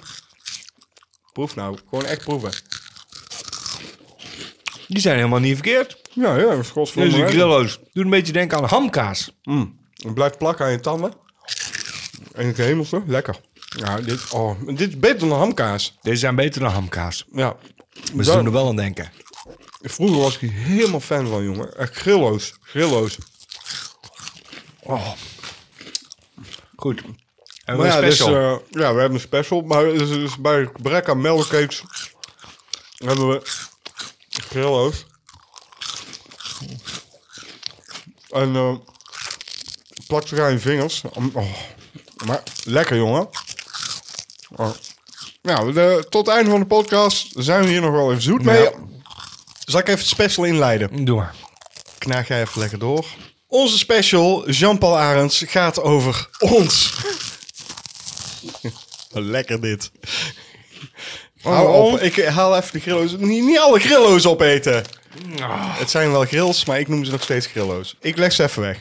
Het is namelijk zo, wij bestaan dus vijf fucking jaar. Vijf jaar. Vijf jaar cinemaatjes. En dat is dus op youtube.com slash Dutch Nerd Club. Waar je al die filmpjes vijf jaar lang al hebt kunnen kijken. Dat doen er niet zo heel veel mensen. Want we hebben gemiddeld zo'n 150 views per filmpje. Maar er zijn de liefste kijkers die je maar kunt wensen. Ja, En ik hou van allemaal. ik ook. Luister, ik heb het idee dat wij ooit nog een keer doorbreken. En dan... eh, Nou, na vijf jaar heb ik dat idee niet meer eigenlijk. Maar Nee, maar goed, weet je wat het is, William? Ik heb nog steeds zin om gewoon een nieuwe aflevering te maken. Oh, ja, maar dat heb ik niet gezegd. Dat Nee, ik nee, daar nee, geen zin nee, in nee, heb. nee, maar dat, dat, dat, dat de luisteraar of de kijker van Cinemaatjes of de luisteraar van Cinepraatjes zoiets heeft van... Oh, het gaat toch wel door? Ja, natuurlijk gaan we gewoon Tuurlijk door. gaan we door. Ja, Nee joh, maar we, we're having fun. we doen het voor onszelf. Ja, En die ook- 150 mensen die kijken, die wel kijken. Ja. maar dan heb ik zoiets van... Oké, dus jullie willen gewoon weten wat wij hebben gekeken. Prima. Ja, prima. Kom maar met die grillo's. Nee, Godverdomme. grills heet ze eigenlijk Grills. nu. Tegenwoordig heet ze grills. Ja, zijn lekker hè? Ja, ze zijn lekker. Ik toch? Dit, dit is nou handje. grills. Oké, nou vijf jaar grills. Nee, grill, die grills. Vijf jaar grills. Ik denk dat Vijf ze ongeveer vijf jaar grills heten. Nee, vroeger waren het dus grillo's. Wacht, oh, het zit even moeilijk nou. Dit eet ik dus al van toen ik ongeveer vijf jaar was, denk ik. Echt waar? Ja. Ik heb deze nog nooit Ja, dat is, dat is vreemd, hè? Ja. Dat is vreemd, want dit is godverdomme lekker, jongen. Doe denk aan hamkaas. Nou, lekkerder. Ja, Die is lekkerder dan hamkaas. Weet je hoe ik die vroeger at? Zo. Snap ik. Een deken langer over. Snap ik. Tegenwoordig doe ik er gewoon zes in mijn bakken. Tuurlijk. Ik ben volwassen of niet. Ja. Maar goed, we bestaan over vijf jaar. Ja. En toen hebben we verzonnen. Dan op een gegeven moment... Hey, eh, misschien moet ik gewoon vragen... Verzinnen voor elkaar. en eh, dat hebben we gedaan. Vijf vragen, want vijf jaar. Vijf vragen aan elkaar. Ja, dat is zo.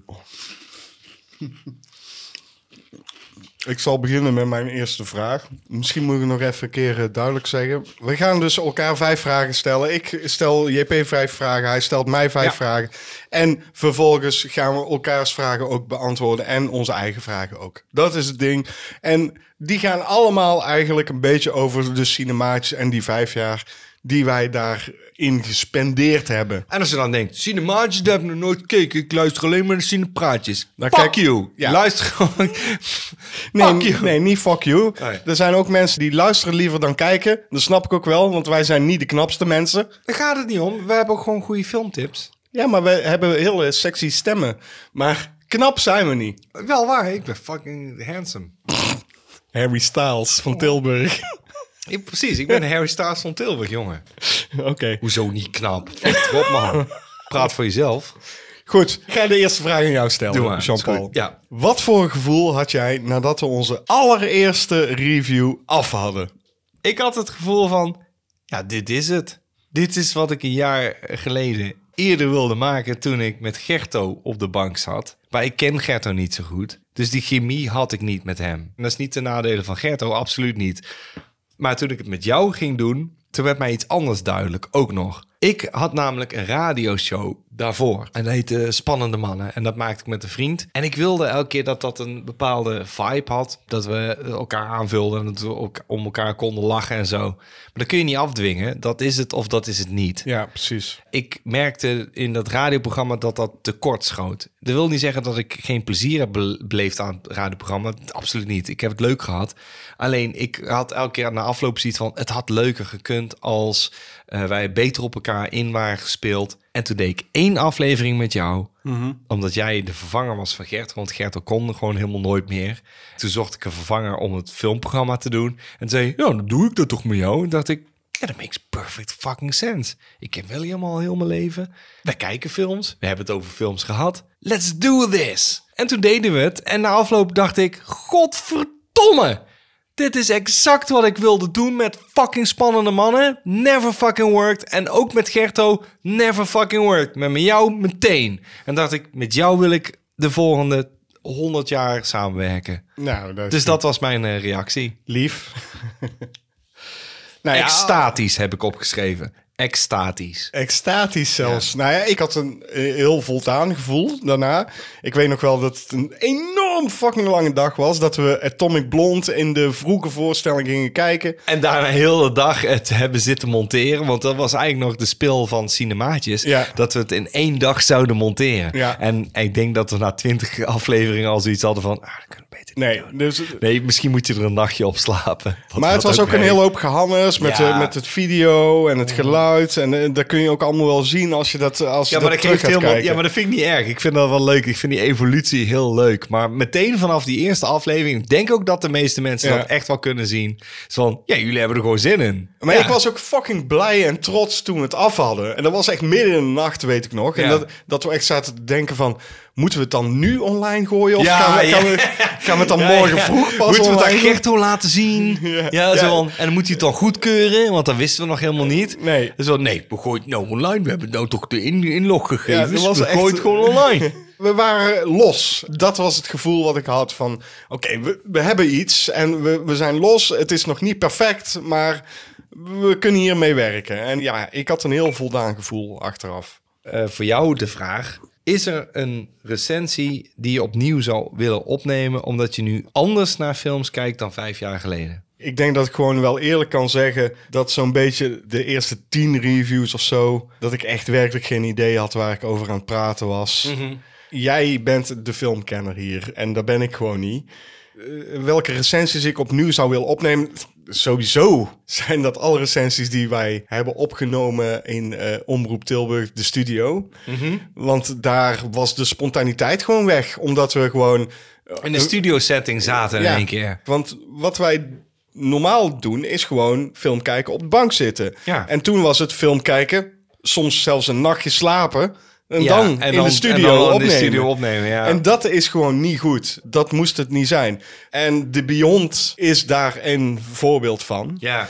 En ik denk dat ik de Beyond opnieuw op zou willen nemen. Omdat ik gewoon denk persoonlijk ook nog niet klaar was voor dat soort Italiaanse horrorfilms op dat Oh, moment. dat, dat vind ik mooi, want dan sluit ik daar dadelijk op aan. Of ik sluit nou ja, op mag je nu, mag je nu Eh, doen. ja, want wij hebben natuurlijk als eerste Giallo The Strange Vice of Miss Ward. En, en eh, in hindsight, zeg maar, ook voor mezelf, om deze aan te dragen. Toen dacht ik, ik had misschien gewoon een andere moeten doen. En dat had misschien niet jou meteen getriggerd. Maar in de lange lijst van Giallo-films die wij hebben gedaan, is dit wel een hele goeie. En jij was daar nog helemaal niet mee bekend. En toen dacht ik, ja, jij kan het niet op waarde schatten. En ik weet namelijk zeker dat als je deze nu opnieuw zou kijken, dan zou je hem waarschijnlijk hoger in hebben geschat. Oh, dat zou kunnen, ja. Want jij keek daar toen tegenaan van, dit is de eerste keer dat je Jallo... Ik, van, ik weet niet wat ik voorgeschoteld krijg. Toen dacht ik, ja, als we het een keer opnieuw zouden opnemen, dan die. Had het veel veranderd, dat weet ik niet. Want het is ook natuurlijk leuk dat we ergens zijn begonnen. En dan zou ik misschien eh, mezelf de vraag kunnen stellen...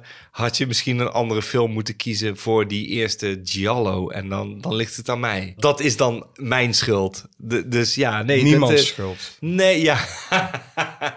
maar toch, ja, nee, dat, dat is Nee, maar ik begrijp ding. het. Ik begrijp Ja, het. toch? Nou, dan stel ik een vraag aan jou. Op welke manier is je cinemaatje, dus ik, in deze vijf jaar gegroeid als filmcriticus? Nou, jij bent wat serieuzer qua benadering geworden. eh, maar nog steeds is er genoeg ruimte om gewoon te lachen. Maar jij bekijkt het wel meer vanuit een filmisch standpunt. Waar wij in het begin natuurlijk, en daar baalde ik toen van, en dat weet ik nog, en dat heb ik vaak tegen jou gezegd. Dus toen wij de eerste 10 of 20 afleveringen deden, zei ik van: Het is eigenlijk alleen maar, wij worstelen ons door het plot. Ja. Dus, eh, dat wil ik niet. Ik wil praten over de film. Ik wil laten weten wat we van de film vinden. En we hadden nog niet een heel eh, format verzonnen. Wij gingen gewoon op de bank zitten en deden ons ding. En daarbij hebben we op een gegeven moment gekozen voor... oh, misschien moet eerst de plot vertellen... en daarna gaan we onze mening geven. En dat deden wij in het begin nog door elkaar heen. Begonnen gewoon... ja, we vonden dit en dat en dat. Nou, laten we, laten we vertellen waar het over gaat. Waar gaat het een klein beetje om? Nou, dan hebben we die scène. En dan moesten we dan allemaal aan elkaar plakken. En later hebben wij besloten om daar een format van te maken van... eerst de plot... Daarna praten over de film. En dat deden we in het begin niet. Dus ehm, nee, wij zijn eh, wat dat betreft in het eerste jaar al enorm gegroeid. En vanaf het moment dat wij echt gewoon naar films gingen kijken, dat jij ook echt een bloknootje eh, tevoorschijn ging toveren, dacht ik, oh oké, hij neemt het echt serieus. En dat maakt het eh, gaaf. En dat is eigenlijk nooit veranderd. Dus eh, ik vind het gaaf dat jij mij bijstuurt als ik plots probeer te beschrijven, want jij houdt het altijd bij. Ik weet nooit namen, dus ik ben altijd blij dat jij erbij zit en zegt, ja, zo heet die persoon. Oh ja, oké, fuck, dat weet ik, dat wist ik al helemaal niet meer. Ja, ik zeg al, dat is gewoon heel fijn. En het feit dat jij de films beter met een filmoog bekijkt, omdat je dus nu meerdere films hebt gezien. Er zit meerdere jaren op nu. Dus je hebt meer ervaring. En dus wat mij opvalt is eigenlijk al twee jaar, drie jaar... is jij neemt het wel serieus. En als een film gewoon niet bekoort... dan heb jij duidelijke reden om dat zo te vinden. Dat waardeer ik enorm. Dat is fijn om te horen. En kijk, jij bent gewoon voor mij altijd al een filmcriticus geweest. Jij was een filmkenner toen ik jou leerde kennen. En dat ben je nog steeds. Dus dit is dan mijn antwoord op deze vraag, zeg maar. Ja. Je deed al potje film met Gerto. Je had al eh, zoveel kennis in jouw hoofd nog steeds... dat ik denk van, waar haalt hij het vandaan? En dat heb ik gewoon nooit gehad. En nog steeds niet. Want ik vergeet zoveel. Voor mij waren deze vragen ook enorm moeilijk om te beantwoorden. Ja, ja, Omdat je ik moet gewoon- echt gewoon in een archief gaan graven. Ja. dat klopt. Ik denk wel dat als Ja. ik moet kijken van hoe ben jij gegroeid, dat ik denk wel dat jij gegroeid bent in het kijken naar bepaalde genres die jou niet per se liggen. Ja. In het begin was dat echt heel moeilijk om met jou een film te kijken waar jij echt gewoon geen zin in had. Zo'n film verrast mij of overvalt me soms gewoon. En dan weet ik niet altijd wat ik moet zeggen. Maar dat maakt het wel leuk om te blijven doen. Dus, dus zelfs na vijf jaar denk ik, ja, eh, eh, eh, oké, I'm stumped. Wat moet ik hiervan vinden? Dan dat ik het kut vond. En dan moet ik in één keer een excuus gaan lopen verzinnen. Maar ja, nee, ja, mee eens. Ja, als je ja. iets kut vindt, dan, dan vind Ja. je het vaak Ja, kut. daar is het. En En, daar dan moet ik in één keer gaan lopen verwoorden waarom. Ja, dan moet je Waarom zo argumenten... kut? ja, Ja. en die argumenten worden steeds beter. Dat is hoe jij groeit als filmcriticus, denk ik. Hopelijk. Daar is niet iedereen het mee eens. Dat bleek wel eh, laatst met Eden Lake. Hè. Daar hebben we het onlangs nog over gehad in onze podcast. Maar ik ben het daar niet mee eens. Ik vind dat je daar wel in gegroeid bent. En dat je wel kunt aangeven waarom je iets kut vindt. Eh, Dankjewel, man. Soms dan ga je terug in, eh, in die lijst dus, ook bij het maken van deze vragen. Dan ga je gewoon kijken naar van, we hebben allemaal gedaan, man. Holy shit. Letterboxd.com slash cinemaatjes. Daar staan al onze films op. Dan kun je in één keer zien, oh ja, fuck, die hebben we ook allemaal gedaan. ja, er zijn er veel. Er zijn er veel. En dan denk je, is er een recensie bij waarvan je spijt hebt dat we hem hebben gedaan? En wat is de reden? Nou, echt spijt heb ik nergens van, moet ik eerlijk zeggen. Nee, nee, nee, oké. Nee, dat is heel grof gesteld. Ja, maar als ik dan toch één film moet noemen, dan noem ik Big Bad Wolves. Ik weet precies nog hoe die dag was. Ja. We deden die dag drie films. Dat is te veel eigenlijk als cinemaatjes om drie films op één dag te Ja. reviewen en op te nemen. En dat hebben we toen gedaan. En Big Bad Wolves was de derde film. Dat hield dus in dat wij eh, daarvoor al twee reviews hadden gemaakt. Twee films hadden gekeken, twee reviews hadden gemaakt. Daarna Big Bad Wolves, een Israëlische film. Niet eens een Engelse film. We waren super zat. Ik was knijterstoned. En daarna moesten we dus om half twee s'nachts nog een review opnemen. Zoiets was het ongeveer. Ja, dat is al een tijd geleden. Dat zouden we dat nooit meer doen. Ook nooit op die manier. Dat doet die film ook geen recht eh, eh, Nee, toe. die film komt daar niet tot zijn Nee. recht. Ik was niet meer met mijn volle focus bij het kijken van de film... en Nee. niet bij het opnemen van de review. Ik had deze bijna opgeschreven. Bijna. Maar daar ben ik het wel mee eens. Maar dat is wel de- bijna de eerste waar ik aan dacht. Ja. En toen dacht ik, ja, maar het is wel een recensie. Het is wel een recensie. We Ja. hebben ons best gedaan. Je ziet mij ook mijn best doen. Ja. Maar je ziet mij ook uitgeput mijn best doen. zeker. Ja, ja, zeker. En, en er zijn ook reacties op die review gekomen van... Oh, wat zie je er afgemat uit, William. Ja. Dat klopt. Ik ben ook afgemat. Ik heb fucking drie films... marathon-uitzending. Dat doen we nooit meer. Eh, Drie films op een dag kijken. Wie kijkt zeker. er drie films op een dag? Nooit. En dan nog reviews erachteraan. Dat Ja, drie is- films kijken op een dag kan wel, maar niet dat er nog van je verwacht wordt dat je voor een camera gaat zitten. Nee. Maar goed, jij hebt een andere dus waar je spijt van hebt. Ja, ik heb als eerste volgens mij de Big Lebowski, omdat ik dat een doodverfde keus vind. Voor cinemaatjes zou dat nooit een ding zijn van, oh ja, we moeten de Big Lebowski doen. Dat was nog helemaal in het begin. Ja. En toen zei ik al van, ja, ik wil niet bekende films doen, want dan vind ik zoiets van, oh, de Big Lebowski, heb je die niet gezien? Oh, kom op, wie heeft dat fucking Big Lebowski niet gezien? Niet een film die je moet aanraden, maar dan, dan kun je ook vallen over het feit dat wij natuurlijk vaker Coen Brothers films zouden doen. Ja. Geen spijt van, want de enige film waar ik geen spijt van heb is Racing Arizona. Klopt. En Barton Fink ook niet. Nee, ook niet. Maar dat was er wel eentje, maar dat is niet het grootste ding. Ik denk dat Electric Dreams was een dingetje waarvan ik dacht, oh, die hadden we ook niet ho- hoeven doen of zo. Want Nee. die past niet binnen ons eh, genre. Het is gewoon een een forgettable film. Maar ik had zoiets van, is dit een ding? Nee, ik weet niet waarom. Maar dan weet ik nog een duidelijkere Hamburger Hill. Echt waar? Serieus? Daar ben ik wel een beetje trots op zelfs. Omdat, Echt waar? Ja, omdat ik vond Hamburger Hill... Als je toch een oorlogsfilm kiest... En dat was toen de reden waarom Dat we hem deden. Ja, daar ben ik het wel mee eens. Maar ik vind het, eh, hij past zo niet eh, binnen de... Het is de enige die wij toen hebben gedaan. Dus deze breekt een beetje met het format. Maar oké, ik- het is niet zo dat ik eh, deze recensie haat. Dat is het niet. Maar als ik denk van spijt...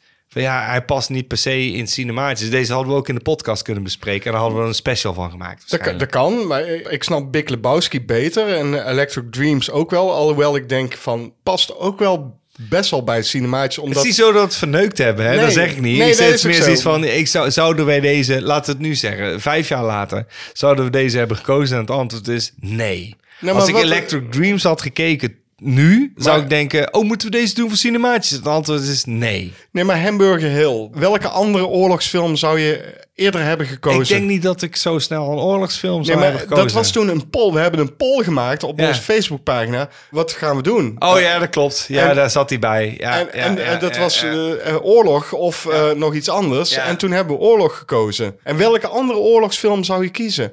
Ja, je kan voor Apocalypse Now, je kan voor Full Metal Jacket gaan, je kan voor Platoon gaan. Ja, maar dat zijn die ligt bewandelde- ja, dat zijn die dat ligt bewandelde paden. Veel te veel voor de hand. En dat we dan kiezen voor Hamburger Hill, die gewoon super fucking Oh ja, realistisch nee, was. nee, luister. Ik sta nog steeds achter die recensie. Dat is het niet.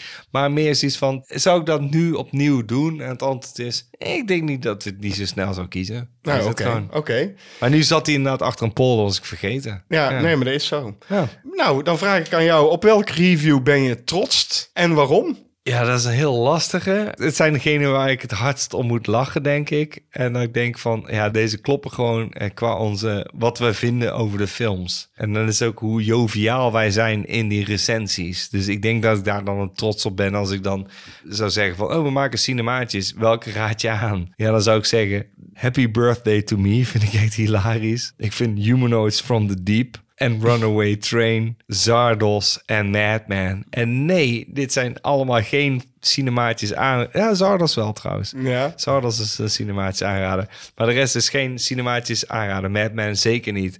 Maar dat zijn recensies wij twee op ons best. Ja, oké. De- de- de- Lachend, ja. eh, echt de film eh, Picking Apart the Movie, weet je wel, wat we moeten doen. Van wat schort eraan, nogal wat. En ik denk dat dat de leukste recensies zijn. Ook al wil ik natuurlijk, want dat was ook het idee van cinemaatjes, wil ik films aan de man brengen. En dat wil niet zeggen dat ik een slechte film niet aan de man wil brengen. Want voor hetzelfde geld vindt iemand een slechte film heel leuk. Madman is bijvoorbeeld een dikke aanrader, ook al is het een super kut film. Dat maakt niet uit. En Runaway Train, idem dito. Ja, dat is een goeie- ja, een ja, review, ja.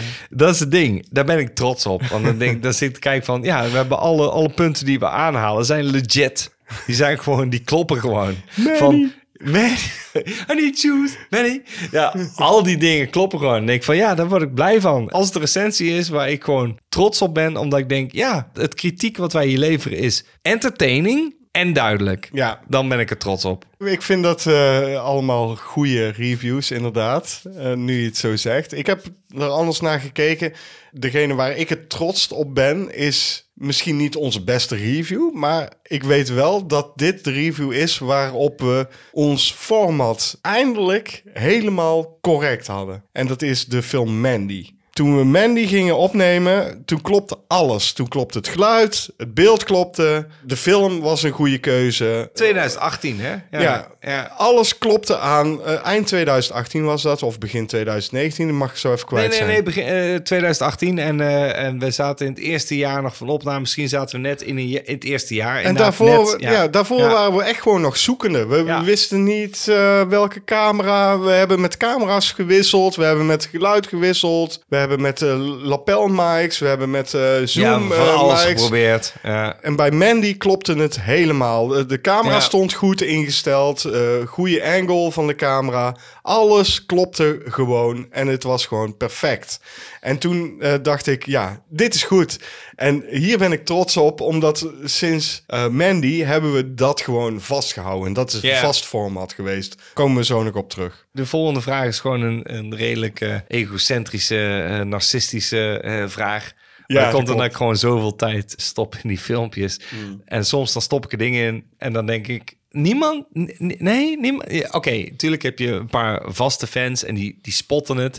En dan denk ik, ja, tof dat je dat spotten. Maar er zitten ook meerdere dingen in. Dus ik had zoiets van, ik ben benieuwd eh, wat jou is opgevallen. Ik heb hier eh, als vraag, noem een van je favoriete grappen die ik in een aflevering gestopt heb. Het kutte is, kijk, jij werkt aan die edits. Hè? Eh, ik edit de podcast. Dat is ook een hoop werk. Ja, Maar, daarom, eh, ik voel je pijn. Ik voel eh, je pijn. en jij edit de reviews op www.youtube.com slash Club.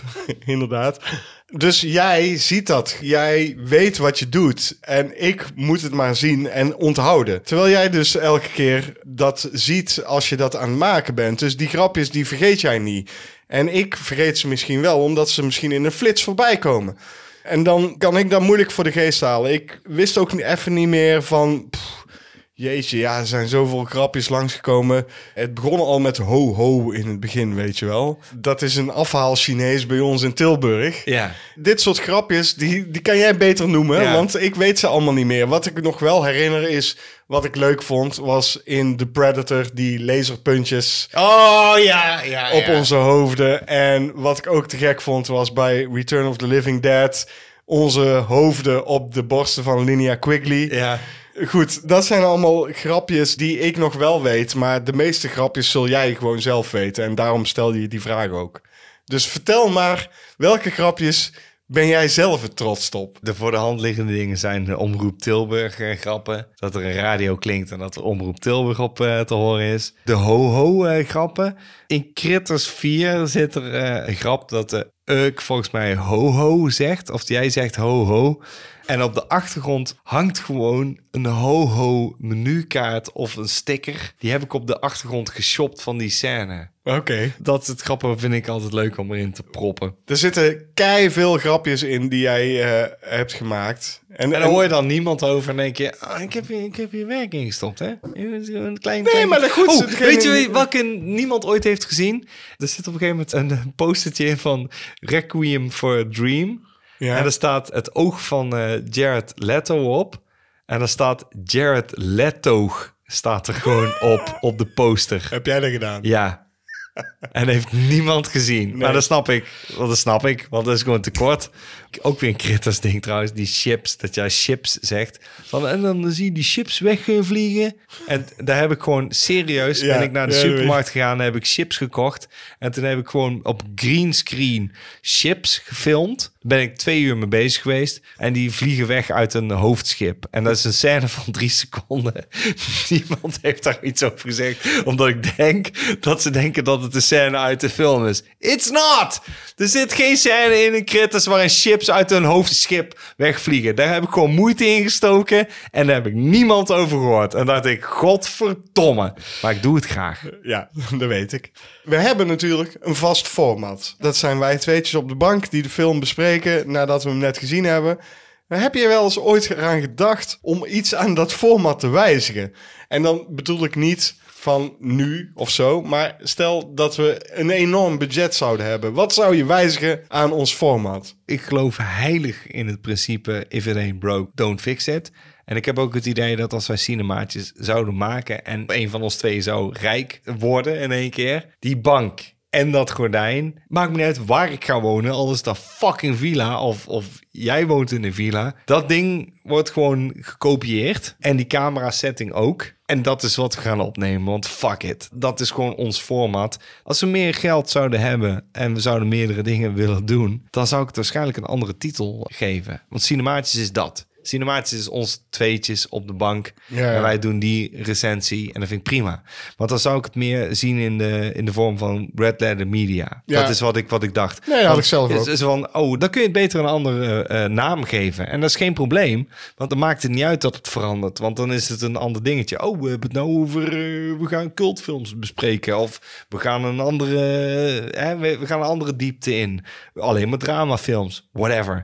Dan wordt het een ander format. En cinematisch is dat. En dan denk ik van, nee, mensen verwachten cinematisch. Dan verwachten ze dat wij met z'n tweeën op de bank zitten Dat gordijn op de achtergrond. En na tien jaar, net zoals eh, Welcome to the Basement, die zit ook op dezelfde fucking bank. Die zit al tien jaar op dezelfde bank. Dat moet je niet veranderen, denk ik dan. Want dat maakt niet zoveel uit. Hoeveel, wat kost dat? Niks. Nou, wat ik misschien zou overwegen dan... Stel dat we het budget was geen issue... Meerdere camera-standpunten. Dat Ja. is een ding. En Dan ook, zou ik waarschijnlijk eh, zeker twee of drie camera's neerzetten. Of, omdat het dan makkelijker is om dingen te filmen. Daar ben ik het mee eens. Ja, en Ja. eh, misschien ook wat betere eh, microfoontjes boven ons hangen... die uit beeld blijven, weet je wel. Oké, ja, mee eens. Dat is alles. We zullen gewoon op de bank blijven zitten Ja. tot in de treuren gewoon. Maar 100%. pre- precies wat jij zegt ook. Ja, ik, ik zou ook meerdere formats ontwikkelen voor andere Dat dingen. absoluut. Iets, ja. iets wat we zouden kunnen gebruiken wanneer we meer gasten hebben of zo, juist, weet je wel. Juist, juist. Helemaal mee eens. En, en Een tafel waar je aan kan zitten. Precies. à la Red Leather Media. ja, Red. Media is een goed voorbeeld daarvan. En gewoon ook voor ons, zeg maar, een uitgangspunt. Is ook een reden waarom we dit doen, zeg maar. Red Ja. Media, eh, Welcome to the Basement. Check die lui ook eens een keer op YouTube. Ja, die zijn geweldig. En Want- die doen vrijwel hetzelfde wat wij doen al jaren. En dan denk ik, oké, maar ik ben trots erop dat wij ons kunnen scharen achter die mensen. Want wij hebben inmiddels ook zoveel video's al gemaakt. Ja, wat is de volgende vraag? eh? Dat is een hele goede vraag. Wat de volgende vraag is. Welke recensie vind je het minst leuk om terug te kijken? Dat is een moeilijke vraag en ik wilde het niet al te moeilijk houden. Maar dat was wel een vraag die me te binnen schoot. Zijn er een aantal dingen waar je dan aan kunt denken van waarom is het moeilijk om terug te kijken? De reden waarom ik deze moeilijk vind om terug te kijken is gewoon het feit dat de kwaliteit van het beeld, het geluid is waardeloos. De recensie zelf is fantastisch. Ik en dat, precies welke jij en gaat dat zeggen. is Miss 45. Ja, weet ik. En ik vind dat zo'n gave review. Alleen, het is niet scherp, het geluid is kut. Dat was de overgang. In de periode van de overgang van de studio van Omroep Tilburg terug naar de bank. Terug naar de bank en toen eh, moesten wij in één keer camera gaan instellen. En je had een andere camera. We hadden de camera van Omroep Tilburg. Oh, Echt, dat was het, ja. En die was verkeerd ingesteld. We hadden een fout gemaakt met de instelling. Het was echt Eh, kut. Het was kut, kut, kut, kut, kut. Maar ja, we moeten daar dan toch mee doen. En dan was ook gewoon van ja, we moeten toch een aflevering leveren. Dus er is nog een andere die ik eh, niet zo leuk vind om terug te kijken. En dat is 3 O'Clock High. Eh, kan ik maar achter scharen. Maar het is wel een gaaf film. Het is een gave film, alleen ik vond de review gewoon niet. Om, dat Nee. is weer een comedy. En Ja. comedies zijn moeilijk om te reviewen. En ik vond die review gewoon niet eh up to par... als je het vergelijkt met de andere reviews van ons. Ja, mee eens. Wat, wat is Welke dan voor denk jou? je dat ik ga zeggen? Ik denk dat je The Long Goodbye gaat zeggen... Absoluut. omdat we daar zo ontzettend uit elkaar liggen qua mening. Ja, ik denk namelijk dat als wij nu een aantal jaar verder zouden zijn... en ook naar het kijken van meer misdaad, films en thrillers... sowieso dat je deze anders zou... Ik, ik zeg niet dat je hem het aanraden gaat eh, vinden, dat weet ik niet. Maar deze zou je anders bekijken. Dat weet ik wel. Daar Want- heb je misschien gelijk in. Alleen ik denk nog steeds Dus ik- wel dat ik het een niet zo'n goede film zal vinden. Omdat ik gewoon... Het is te vaag. Je kan niet volgen wat er precies gebeurt. Ja, dat is ja, nogmaals, ja, ja goed. En ik is eh, een ding. rare, rare, rare dingen, rare motivatie. Het is niet mijn film en, en daar blijft het altijd bij. Ik, ik vind de review er niet slechter op. Ik vind het juist leuk om naar te kijken dat we een keer botsen. Want het is een keer wat anders. En ik snap dat jij... Het is een van mijn favoriete films. Dus Ja, dat snap ik. ik. Ik- dus, eh, elke, ik kan deze niet kijken, omdat dat, dat dus de reden is van... Ja, dit is mijn favoriete film. En dan ga jij lopen afkrijgen. Ja, dat kan ik niet tegen. Ik snap het. Ik ben niet eeuwig boos op je. Maar je moet wel begrijpen, dit is een van mijn favoriete films. Dus dit ga ik niet opnieuw kijken. Ik wil niet mijn film afgekraakt zien worden. Ook niet door een goede vriend. Dan is het een soort uh, sadomasochistische insteek. En daar heb ik gewoon geen zin in. Oké, welke film wil jij al heel lang reviewen, maar hebben we nog niet gedaan? Welke denk je dat ik heb gezegd? Er is er eentje die heb ik vaker genoemd. Weer- blow up. Helemaal goed, in één keer. Gewoon in één keer, kom op. Mensen, dit is waarom wij samenwerken. Ik heb hem geen voorzetje gegeven. Was ik niet nodig van, kennen we elkaar? Sure. Is dit de film waarvan ik verwacht dat William het zou zeggen? Ja, dat hoopte ik. Had ik nou de deur uitgewandeld. Tuurlijk Blow Up. Ja, tuurlijk. Die wil ik zeker nog een keer doen. Want dat vind ik een interessante film om een keer te doen. Hij staat al Is heel het- lang op onze lijst. Ja, daarom. Is het een cinematische film? I don't know. En welke film denk jij dan dat ik... eh, Oh, dat weet ik. Eh, Deliverance. Ja, die zou ik ook wel graag willen doen. Wou ja. ik zeggen. Maar Ja. dat is niet eh, de film die ik eh, hier heb geantwoord op deze vraag. Nee, weet je wat het is? Kijk, toen ik ehm, vroeger films keek... Ik was heel erg fan van, van die gangsterfilms. De gangster. Oh, Blood in, Blood out. Blood In, Blood Out is er één. Ja. Maar die duurt fucking lang. Dat is hem niet. Dit, dit is niet de eh, film... Nee, oké, welke dan? Het is A Menace to Society. Oh ja. En dat vind ik een fantastisch gave film. En ik weet niet zeker of jij die gaaf vindt. Ik denk dat jij die heel kut gaat vinden zelfs. En daarom kies ik hem nooit. Daarom heb jij hem ook niet op onze lijst gezet. Nee. Ik vind dat gewoon een gave film. Die wil ik gewoon een keertje reviewen met jou. Maar ik weet zeker dat jij hem kut vindt. Dus die gaan we gewoon een keer doen. Precies. Wat vind je de leukste en of bijzonderste eigenschap van je cinemaatje? Ik vind jou sowieso een goede vriend. Dus alles wat ik ga zeggen heeft totaal geen waarde eigenlijk. Voor mij wel. Dit zijn dingen die ik graag wil horen, William. Nou, wat ik heel bijzonder aan jou vind, is dat jij gewoon overal... En dat kan ook heel vervelend zijn, hè? maar je, je weet overal iets van. Je hebt zoveel kennis in jouw hoofd, dat ik denk van... Waarom weet je dit soort dingen? En waarom kun je dat nu in één keer... Als iemand vraagt van, oh ja, deze film, eh, oh ja, jaar was ook weer? Ja, 1986, zeg jij dan. En dat klopt dan ook gewoon meteen. Of wie is deze acteur? Je weet het gelijk. En dan denk ik, dat vind ik zo bijzonder aan jou. Dat je dat soort weetjes allemaal weet. Dat kan heel bedweterig overkomen. Dat Zeker, weet, ik, dat ja, weet ik ja. ook. Maar ik vind het wel heel bijzonder dat je dat soort dingen weet. Maar dat, Ik denk dat ik het niet op een heel erg bedweterige manier... Ik denk nou, dat ik soms gewoon- wel, soms wel. Ja, niet van... "Uh, actually... Zo doe je het niet. Maar Nee, precies. Je weet het gewoon. En eh, dat vind ik bijzonder. Eh leuke aan jou vind ik dat je enthousiast kan zijn over wat dan ook. Hoe klein ook iets kan zijn. Jij kan er enthousiast over worden. En dan denk ik, wa- waarom ben je zo enthousiast over dit? Ja, Eh, het kan iets heel kleins zijn, dat is het gewoon. en dat vind, dat, vind, dat vind ik fijn. En het Ja, ja. enthousiasme, dat kun je overbrengen naar andere mensen. Waardoor ze ook denken van, oh ja, ja, dan ben ik ook enthousiast. En, en wat ik gewoon heel fijn vind, is dat je gewoon altijd paraat bent. Als ik jou bel, hey, vanavond cinemaatjes? Ja, Ja. dat vind ik gewoon fijn. Maar goed, er zijn nog zoveel meer dingen die ik gewoon leuk en bijzonder aan jou vind. Maar Daarom. Dus eh, het is nog lang niet gedaan. eh, voor jou, zeg maar. En wat ik leuk vind, is dat jij mee kan denken als we off script gaan. En dan gewoon echt een tangent eh, beginnen.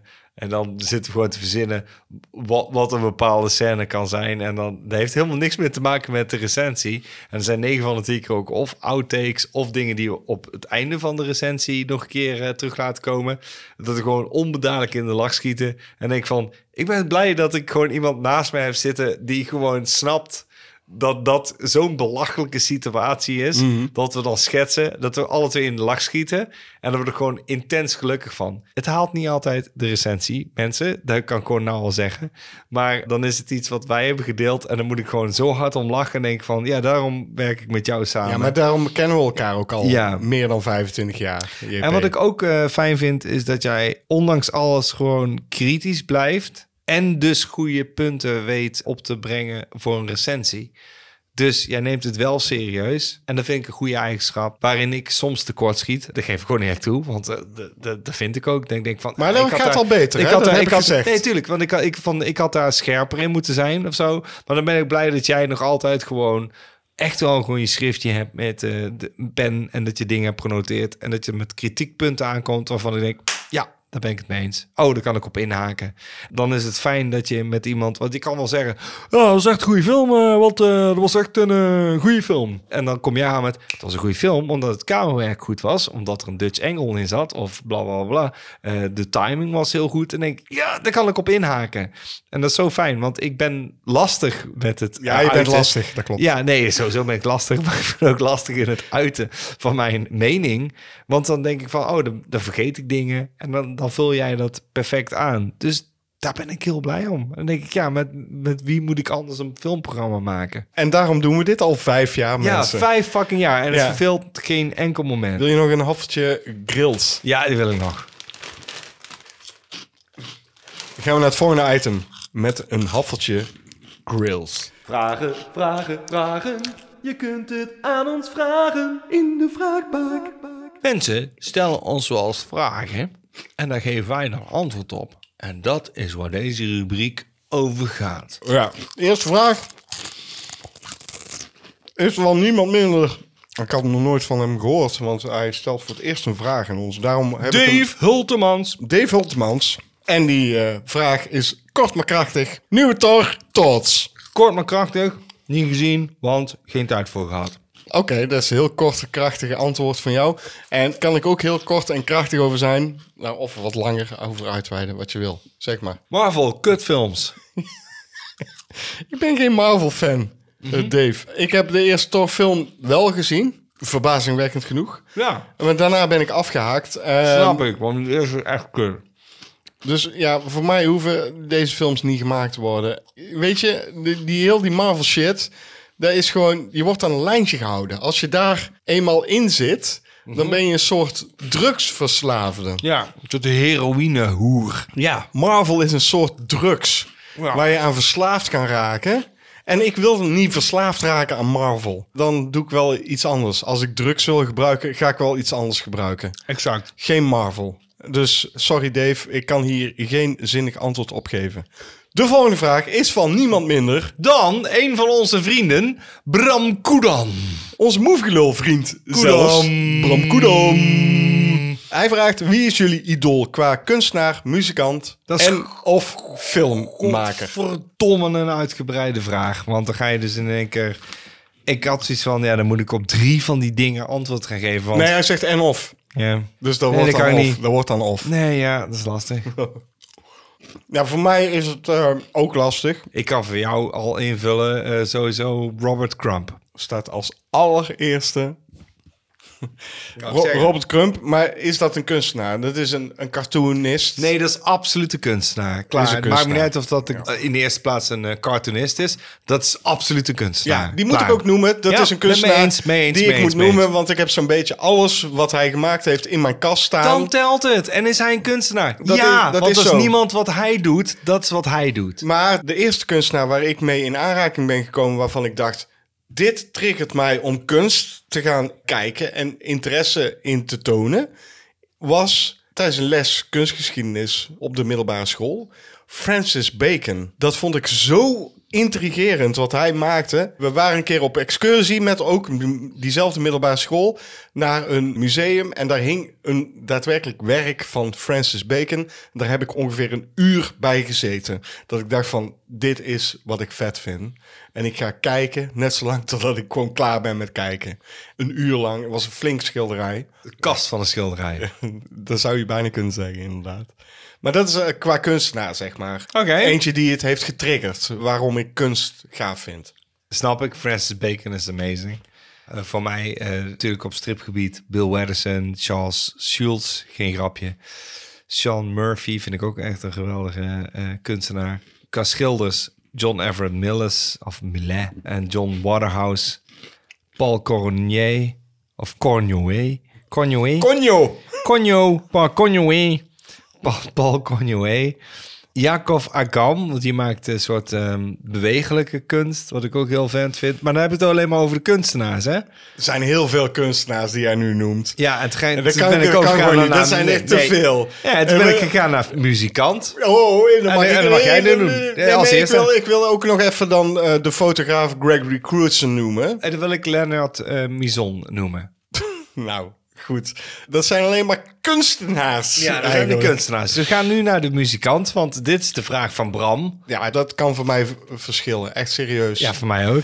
Maar het is wel zo dat eh, de eerste keer dat ik in aanraking kwam met de Beastie Boys... Ja. is ook niet de laatste keer geweest. Want Nee. daarna heb ik de Beastie Boys gevolgd tot in den treuren. Zelfs nu nog. Ja. De Beastie Boys is een van mijn favoriete muzikale acts ever. Als je dat tegenwoordig naar andere muzikale acts kijkt die ik gaaf vind, zijn Warpaint en Black Mountain. Daar ben ik gewoon fan van. Maar ik kan ook gewoon in één keer verliefd worden op een zangeres die ik morgen ontdek, bij wijze van spreken. Tuurlijk, tuurlijk, tuurlijk. Ik kan het kort houden. Dean Ween, Frank Zappa en Paul Leary. Van de Battle Surfers. Geen Rob Zombie van White Zombie? Alleen toen hij nog White Zombie deed. En, eh, en dan eh, noemt Filmmaker. hij ook filmmakers. Ja, filmmaker. Nou, dat Dus- is niet leuk toch? Nou ja, ik vind het wel moeilijk, omdat je gewoon... Dan moet je kijken van welke filmmaker heeft eigenlijk consistent geregisseerd. Ja. Welke filmmaker is zo consistent dat eigenlijk bijna elke film goed was. Echt heel lastig. Er zijn er weinig. Ja. Eh, Robert Eggers, die flikt hem tot nu toe. Ja, dat wilde ik noemen, zeker. Ik denk, die noemen wij sowieso. Dus ja, ben ik het mee Maar, eens. maar goed, de Northman was al de mindere van de drie. Ja, dat vond ik de minder van drie, dus vond ik heel lastig. Daarom. Wie weet gaat dat nog kelderen. Ja, Stanley Kubrick is een meester. Daar kun, Ah, je, mee eens. daar ja. kun je niet onderuit. Eh, maar ook, hij heeft niet alles Nee, dat klopt. En dan kun je over is. Martin Scorsese dan ook zeggen. Die heb ik ook genoemd. Ja, Ja. sure. Absoluut een meester. En, en die heb ik hoog zitten. Mijn echte idool is John Carpenter. Gewoon omdat Ja. hij gewoon gave keuzes maakt. En ook fantastische muziek maakt. Mee eens. Ik heb hier eh, geschreven Paul Verhoeven. Makes sense. Oh, ja, tuurlijk. Ja, ook goed. Eh, en de andere is Michelangelo Antonioni vanwege Blow Up. Ja, ik kan er niks aan doen. Die Ah, gaaf. komt hij weer met die is Blow zo Up. Nou, hoog zitten. ik hoop dat we een keer Eh, gaan doen. Ja, ik hoop het ook. De volgende vraag is van Mike van Dooyeweert. En hij vraagt aan ons, leuke vraag vond ik. Ja. Wat zijn jullie favoriete after credit scenes? Het is een leuke vraag. Ik heb vrij obvious antwoorden daarop, moet ik eerlijk zeggen. Een van de gaafste vind ik Ferris Bueller's Day Off. Dat is ook absoluut. Gewoon dat hij in zijn badjas nog even komt kijken van... hé, hey, jullie zitten er nog. Ja, dat is gewoon een goeie. Ga gewoon naar huis. Ja. Die moet gewoon genoemd worden. ja, tuurlijk, absoluut. Eh, Jij hebt vast nog iets anders. Ja, ik vond het heel lastig. Ik had zoiets van, wat zijn degenen die mij bij zijn gebleven? Of degenen die ik grappig vond? Ik vond toen, en dat vind ik eigenlijk nog steeds als ik aan denk... de Avengers eh, die shawarma eten op het einde van de Avengers. Het was een throwaway gag. Iron Man zei, "Ja, het is een shawarma tent. Als we ooit een keer de tijd hebben, dan moeten we daar gaan eten. De film is afgelopen. Echt, de eindetitels zijn voorbij. Alle Avengers in full ornaat zitten gewoon in een shawarma tent. Er wordt niks gezegd. En toen dacht ik, that's funny. De after credit scene van The Hangover. Daar ben ik het mee eens. Dat Dat is wilde een- ik noemen. En dat is misschien een van de aller, aller, aller, aller, allerbeste. Dat Daar is ga misschien ik het mee eens. Dat Want is ik de beste, dat- omdat hij de film beter maakt. ja, want de film is namelijk niet een van mijn favoriete films. Want ik vind dat gewoon geen... Oh, de Hangover is de grappigste film die ik ooit heb gezien. Oké, dan, dan leid je een heel erg eh, zielig leven. Als dat je favoriete film is. Nee, maar de credits maken het wel oh my beter. god, die credits maken het zoveel beter. Want het verhaal wat zij vertellen, denk je, oké, daar kan ik inkomen. Kind of funny. Maar wat ze hebben meegemaakt op de eindtitel credits is amazing. Ja. En, en dat, dat vult alles in. Je kunt de bioscoop al uit zijn gewandeld. Dan, En heb je dit gemist. Ja. Dan heb je het dat- beste gemist van de film. Ik sluit mij aan op jouw nu antwoord. Dat is de beste eindtitel eh, credit eh, sequence, denk ik. Dat maakt het zoveel beter inderdaad. Maakt de film beter. Yes. Ja, nou, dat is gewoon gaaf. Kenny Ruben is... Hij is geen maatje meer. Nee, geen maatje meer, maar hij vraagt nog wel vragen. Hij is nog steeds ons maatje. Hij is een beetje ons maatje. Welke kindacteur die je al tijden niet gezien hebt, zou je willen zien in een volwassen rol? Weet je wat ik gewoon denk? Dat ligt ook weer vrij voor de hand, maar McCulky Culkin, Kulken. dat is natuurlijk een kindacteur. Maar welke volwassen dragende rol heeft hij gespeeld? Niet? Niet? Nee, inderdaad. Nee. Nee. En, en ik zie hem daar graag in. Want we hebben het al over Red Letter Media gehad. Daar heeft hij een paar keer in gezeten. En Daar is hij een oh, paar keer geweldig. geweest. Ja. Ja. en ik vond hem heel, heel eh, sympathiek. ja. Dus ik dacht, nou, laten we eens een keer gewoon echt een volwassen dragende rol spelen. Mee eens? Ligt zo voor de hand eigenlijk. Dus- Nou, nee, dat weet ik niet. Sterker nog, ik vind een goeie. Nou, dankjewel. Ik heb eh, opgeschreven, en dat is naar aanleiding van eh, die documentaire die ik in de vorige podcast heb genoemd, In Search of Tomorrow. Daar zat eh, de gast in, het jongetje, die in Flight of the Navigator zat. En ik weet dat hij daarna echt wel nog dingen heeft gedaan, maar de vraag was van, zou je hem nog in andere dingen willen zien? Hij lijkt een beetje een stoner, een stoïcijnse gast, maar wel een leuke gast. En toen dacht ik, ja, Joey Kramer. Dus ja, misschien eh, moet je die gewoon eens een keer een hoofdrol geven. Een serieuze rol misschien wel. Of gewoon echt iets groots. Om dat te gaan doen. Het lijkt me wel leuk, want eh, ik vond het een sympathieke dude. Ik was zelf ook wel eh gecharmeerd van alle kindacteurs in School of Rock. Ja, zeker. Ja, en ja, eh, de meeste zijn muzikant geworden. Ja, dat klopt. Eh, Niet raar eh, eigenlijk als je de film kijkt. Maar ik zou die wel weer willen zien. En het lijkt me zelfs heel leuk om daar zelfs een sequel van te zien. Ik ben niet zo van sequels, hè, dat weet je. maar zoveel jaar na dato. Ja, precies. sure. Dat ze nog steeds die band zijn. Ja. Dat zij nog steeds eh, proberen eh, groot te worden. Dat eh, Jack Black hun daarin gaat Ja, helpen. tuurlijk. Weet ik Ja, veel. ja, ja, Eh, tuurlijk. Ik weet niet. Ik, ik zie daar wel een sequel in. Ik ook. Met die acteurs weer, weet je wel. Ja, ja, maar, de- maar, maar die acteurs zie je nergens meer echt in films. Nee, en ik zou ook zo niet 1, 2, 3, als ze al in de film zouden zitten, zou ik ze herkennen, denk ik. Ik had er nog eentje waarvan ik gewoon verbaasd was van... Oh ja, maar die was heel goed in die film. Je hebt de film Matilda en er zit Mara Wilson in. Die speelt de hoofdrol, dat is Matilda. Die heeft daarna nooit meer echt iets gedaan. Nee, ik- die, die vond het niet fijn om eh, Ja. te acteren of zo. Ja, het is heel raar, want zij valt zij, op. Ja, zij deed het goed. Zij deed het uitstekend. En dan denk je, oké, dit is raar, man. Je bent gewoon serieus nooit doorgegaan. Dat verbaast me. Dat mag, want dan begrijp ik je overweging. Je vond het niks of je, je had Ja, geen het was niet jouw ding gewoon. Het was jouw, het ja, precies. Maar eh, als je de film kijkt, denk je, ja, maar zij is wel goed. Ja. Dus mijn vraag is dan van, ja, als zij dat nou het wel leuk had gevonden, wat had zij dan nu gedaan? En denk ik, ja, dat vind ik wel interessant. Dus die, Mara Wilson. De volgende vraag is van Agent on Clogs. Welke van de drie maakt de film het meest succesvol? De scenarist, de regisseur of de acteur? Nou, volgens mij is dit gewoon een symbiose. Sowieso, allereerst, hele goede vraag. Want daar moet je over nadenken. En dan Ja. denk je van, ja, dat klopt. Wat maakt die drie-eenheid dan het allerbeste? Nou, dan valt waarschijnlijk acteur als eerste af. Ja, dat zeg jij. Niet helemaal, maar ik heb erover na zitten en ik denk van, nou, oké, als eerste is eh, de regisseur, want die leidt alles in goede banen, zou ik zeggen. Klopt, klopt. En die bepaalt 9 van de 10 keer ook van, eh, ik wil die persoon in mijn cast hebben. Over de regisseur gesproken, kijk, de regisseur Ja. en het scenario schrijver. Zeker. Eh, ehm, kijk, ik heb het er net over gehad. De regisseur van Before the Devil Knows You're Dead, Sidney Lumet, heeft het scenario bewerkt. En in dat scenario waren die twee hoofdpersonages geen broers. En de regisseur Sidney Lumet heeft daarin gekozen. Dit moeten broers zijn. Dat maakt het zoveel beter. Ja. En dat is ook zo. Dus dan zeg ik, de regisseur is beter dan de scenarist. Oh nee, die heb ik ook als, eh, als, als eh, eh, voor, voor, vooraanstaande. Altijd de regisseur. Altijd de regisseur. Het begint uiteraard met een script, zou ik zeggen. Ja. Maar de regisseur Zelfs bepaalt een- ja, hoe die dat in beeld gaat ja, brengen. want zelfs een fantastisch script kan een klote verfilming krijgen. hey, ik heb een geweldig script geschreven. Ja. Eh, oh, dit was, eh, dit was de hotlist, weet je wel. Ja. Dit is het script waar iedereen op eh, zat te wachten.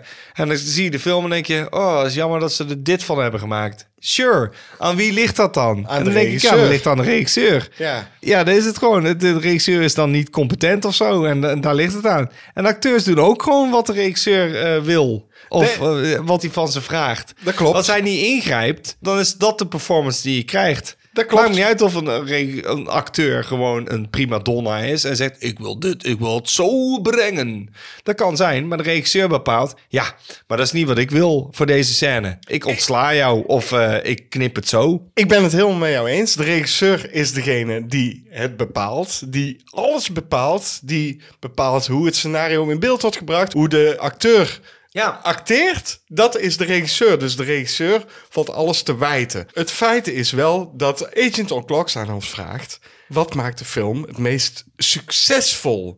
En succesvol is een ander aspect van een film. Want als je kijkt naar de mensheid Dan in zijn algemeen... zijn marketing. Ja, marketing sowieso, maar dat vraagt hij niet. Hij vraagt hier om drie dingen. Ja, hij vraagt, eh, nee, wat nee luister, luister. Laat, laat me nou uitpraten. Oh, van de drie. Ja, van deze drie dingen die hij aangeeft, wat maakt het film het meest succesvol? De mensheid is gewoon een droeve bedoeling. Dan kom je uit op acteur. Ja, acteur. Ik herken die acteur. Ja, ja, Wij zijn het daar niet mee eens, nee. Agent on Clocks. Wij hebben net de reden gegeven Precies, waarom. de acteur eh, maakt het succesvol. De acteur maakt het succesvol. Oh, de rock zit erin. Dat zal het wel gaaf Dat zijn. zal het wel gaaf zijn. Ja, nee, dat is het gewoon. Als een bepaalde acteur erin zit, denken sommige mensen, eh, het gros van de droevige mensheid die wij hebben hier op deze wereld, Die denken, denkt nou, dan, dan, dan, dan ja. Oh ja, als die Nicolas acteur- Cage zit ja, erin. Ja, oh ja, ja, oh ja, Dan is jongen. het 9 van de 10 keer wel een goede film. Meestal is dat dan wel gaaf, maar ik bedoel, als er bijvoorbeeld Bruce Willis erin zit... Bruce Willis. Bruce Willis en mensen denken, oh, Bruce Oh, ja, Willis, ja. oh, vond ik gaaf, jongen. Oh man, dat vond ik een goede acteur. Ja, tegenwoordig, hij, hij doet het niet meer. Hij, hij doet het niet meer, sowieso niet meer. Hij doet het niet meer. Hij is kapot. Bruce Willis is kapot, zeg maar. Ja, dat is ook de reden waarom hij gestopt is. Bruce Willis is gewoon stuk. Dat kan wel een succes brengen voor de film, Ja, omdat Bruce je, Willis oh, erin zit. Bruce Willis zit erin. Oh, dan kijk ik hem. Ja, Ja. trap daar niet in, mensen. Nee. Want eh dat is echt de laatste eh, vijf jaar van Bruce Willis. Niks. Dat is de droevige mensheid Ja. tegenwoordig. Kijkt alleen maar van, welke acteur speelde erin? Ja, oké, dan vind ik het gaaf. Oké, dan hebben we een duidelijk antwoord gegeven op deze vraag. Agent on Clocks. Laatste vraag is van eh, docent BVU. En hij vraagt aan ons... Voor jullie het meest sexy, aantrekkelijkste niet-menselijke wezen. Oké, daar heb ik eh, wel bepaalde vraagtekens bij. Eh, bijna niet te beantwoorden, zou ik zeggen. Omdat iedere vorm van iets is wel iets antropomorfisch. Weet je wel? Ja. Eh, oh, een tekenfilm. Ja, dan is het een antropomorfische versie van een mens. Ja, Jessica Noem, Rabbit. Jessica. Rabbit, Lola Bunny. Ja. En ik, ja, niet menselijk. Ja, Ja, zijn ja, ik vraag me ook af, wat bedoelt hij? Bedoelt hij echt iets wat niet, Niet menselijk, menselijk is. eruit ziet? ja maar dat, dat, dat, Of dat bedoelt hij iets wat niet menselijk is? Want ik kan wel dingen noemen als bijvoorbeeld Scarlett Johansson in Under the Skin. Zij is niet menselijk. Ja. Zij is een alien. Ja, dat zou maar je kunnen... Ja, fucking sexy. ja en, maar dan zou je nog steeds kunnen zeggen... Ja, maar die, die ziet er wel menselijk uit. En dat klopt. Ja, die ziet er menselijk uit. Alicia Ja. Vikander in Ex Machina. Ja, daar zat ik ook aan te denken. Daar ben ik het helemaal mee eens. Dus Super moeilijk- lekkere robot. Ja, ja, moeilijk, moeilijke vraag dit. Ja. Omdat hij niet goed gesteld is, eh, eh, eh,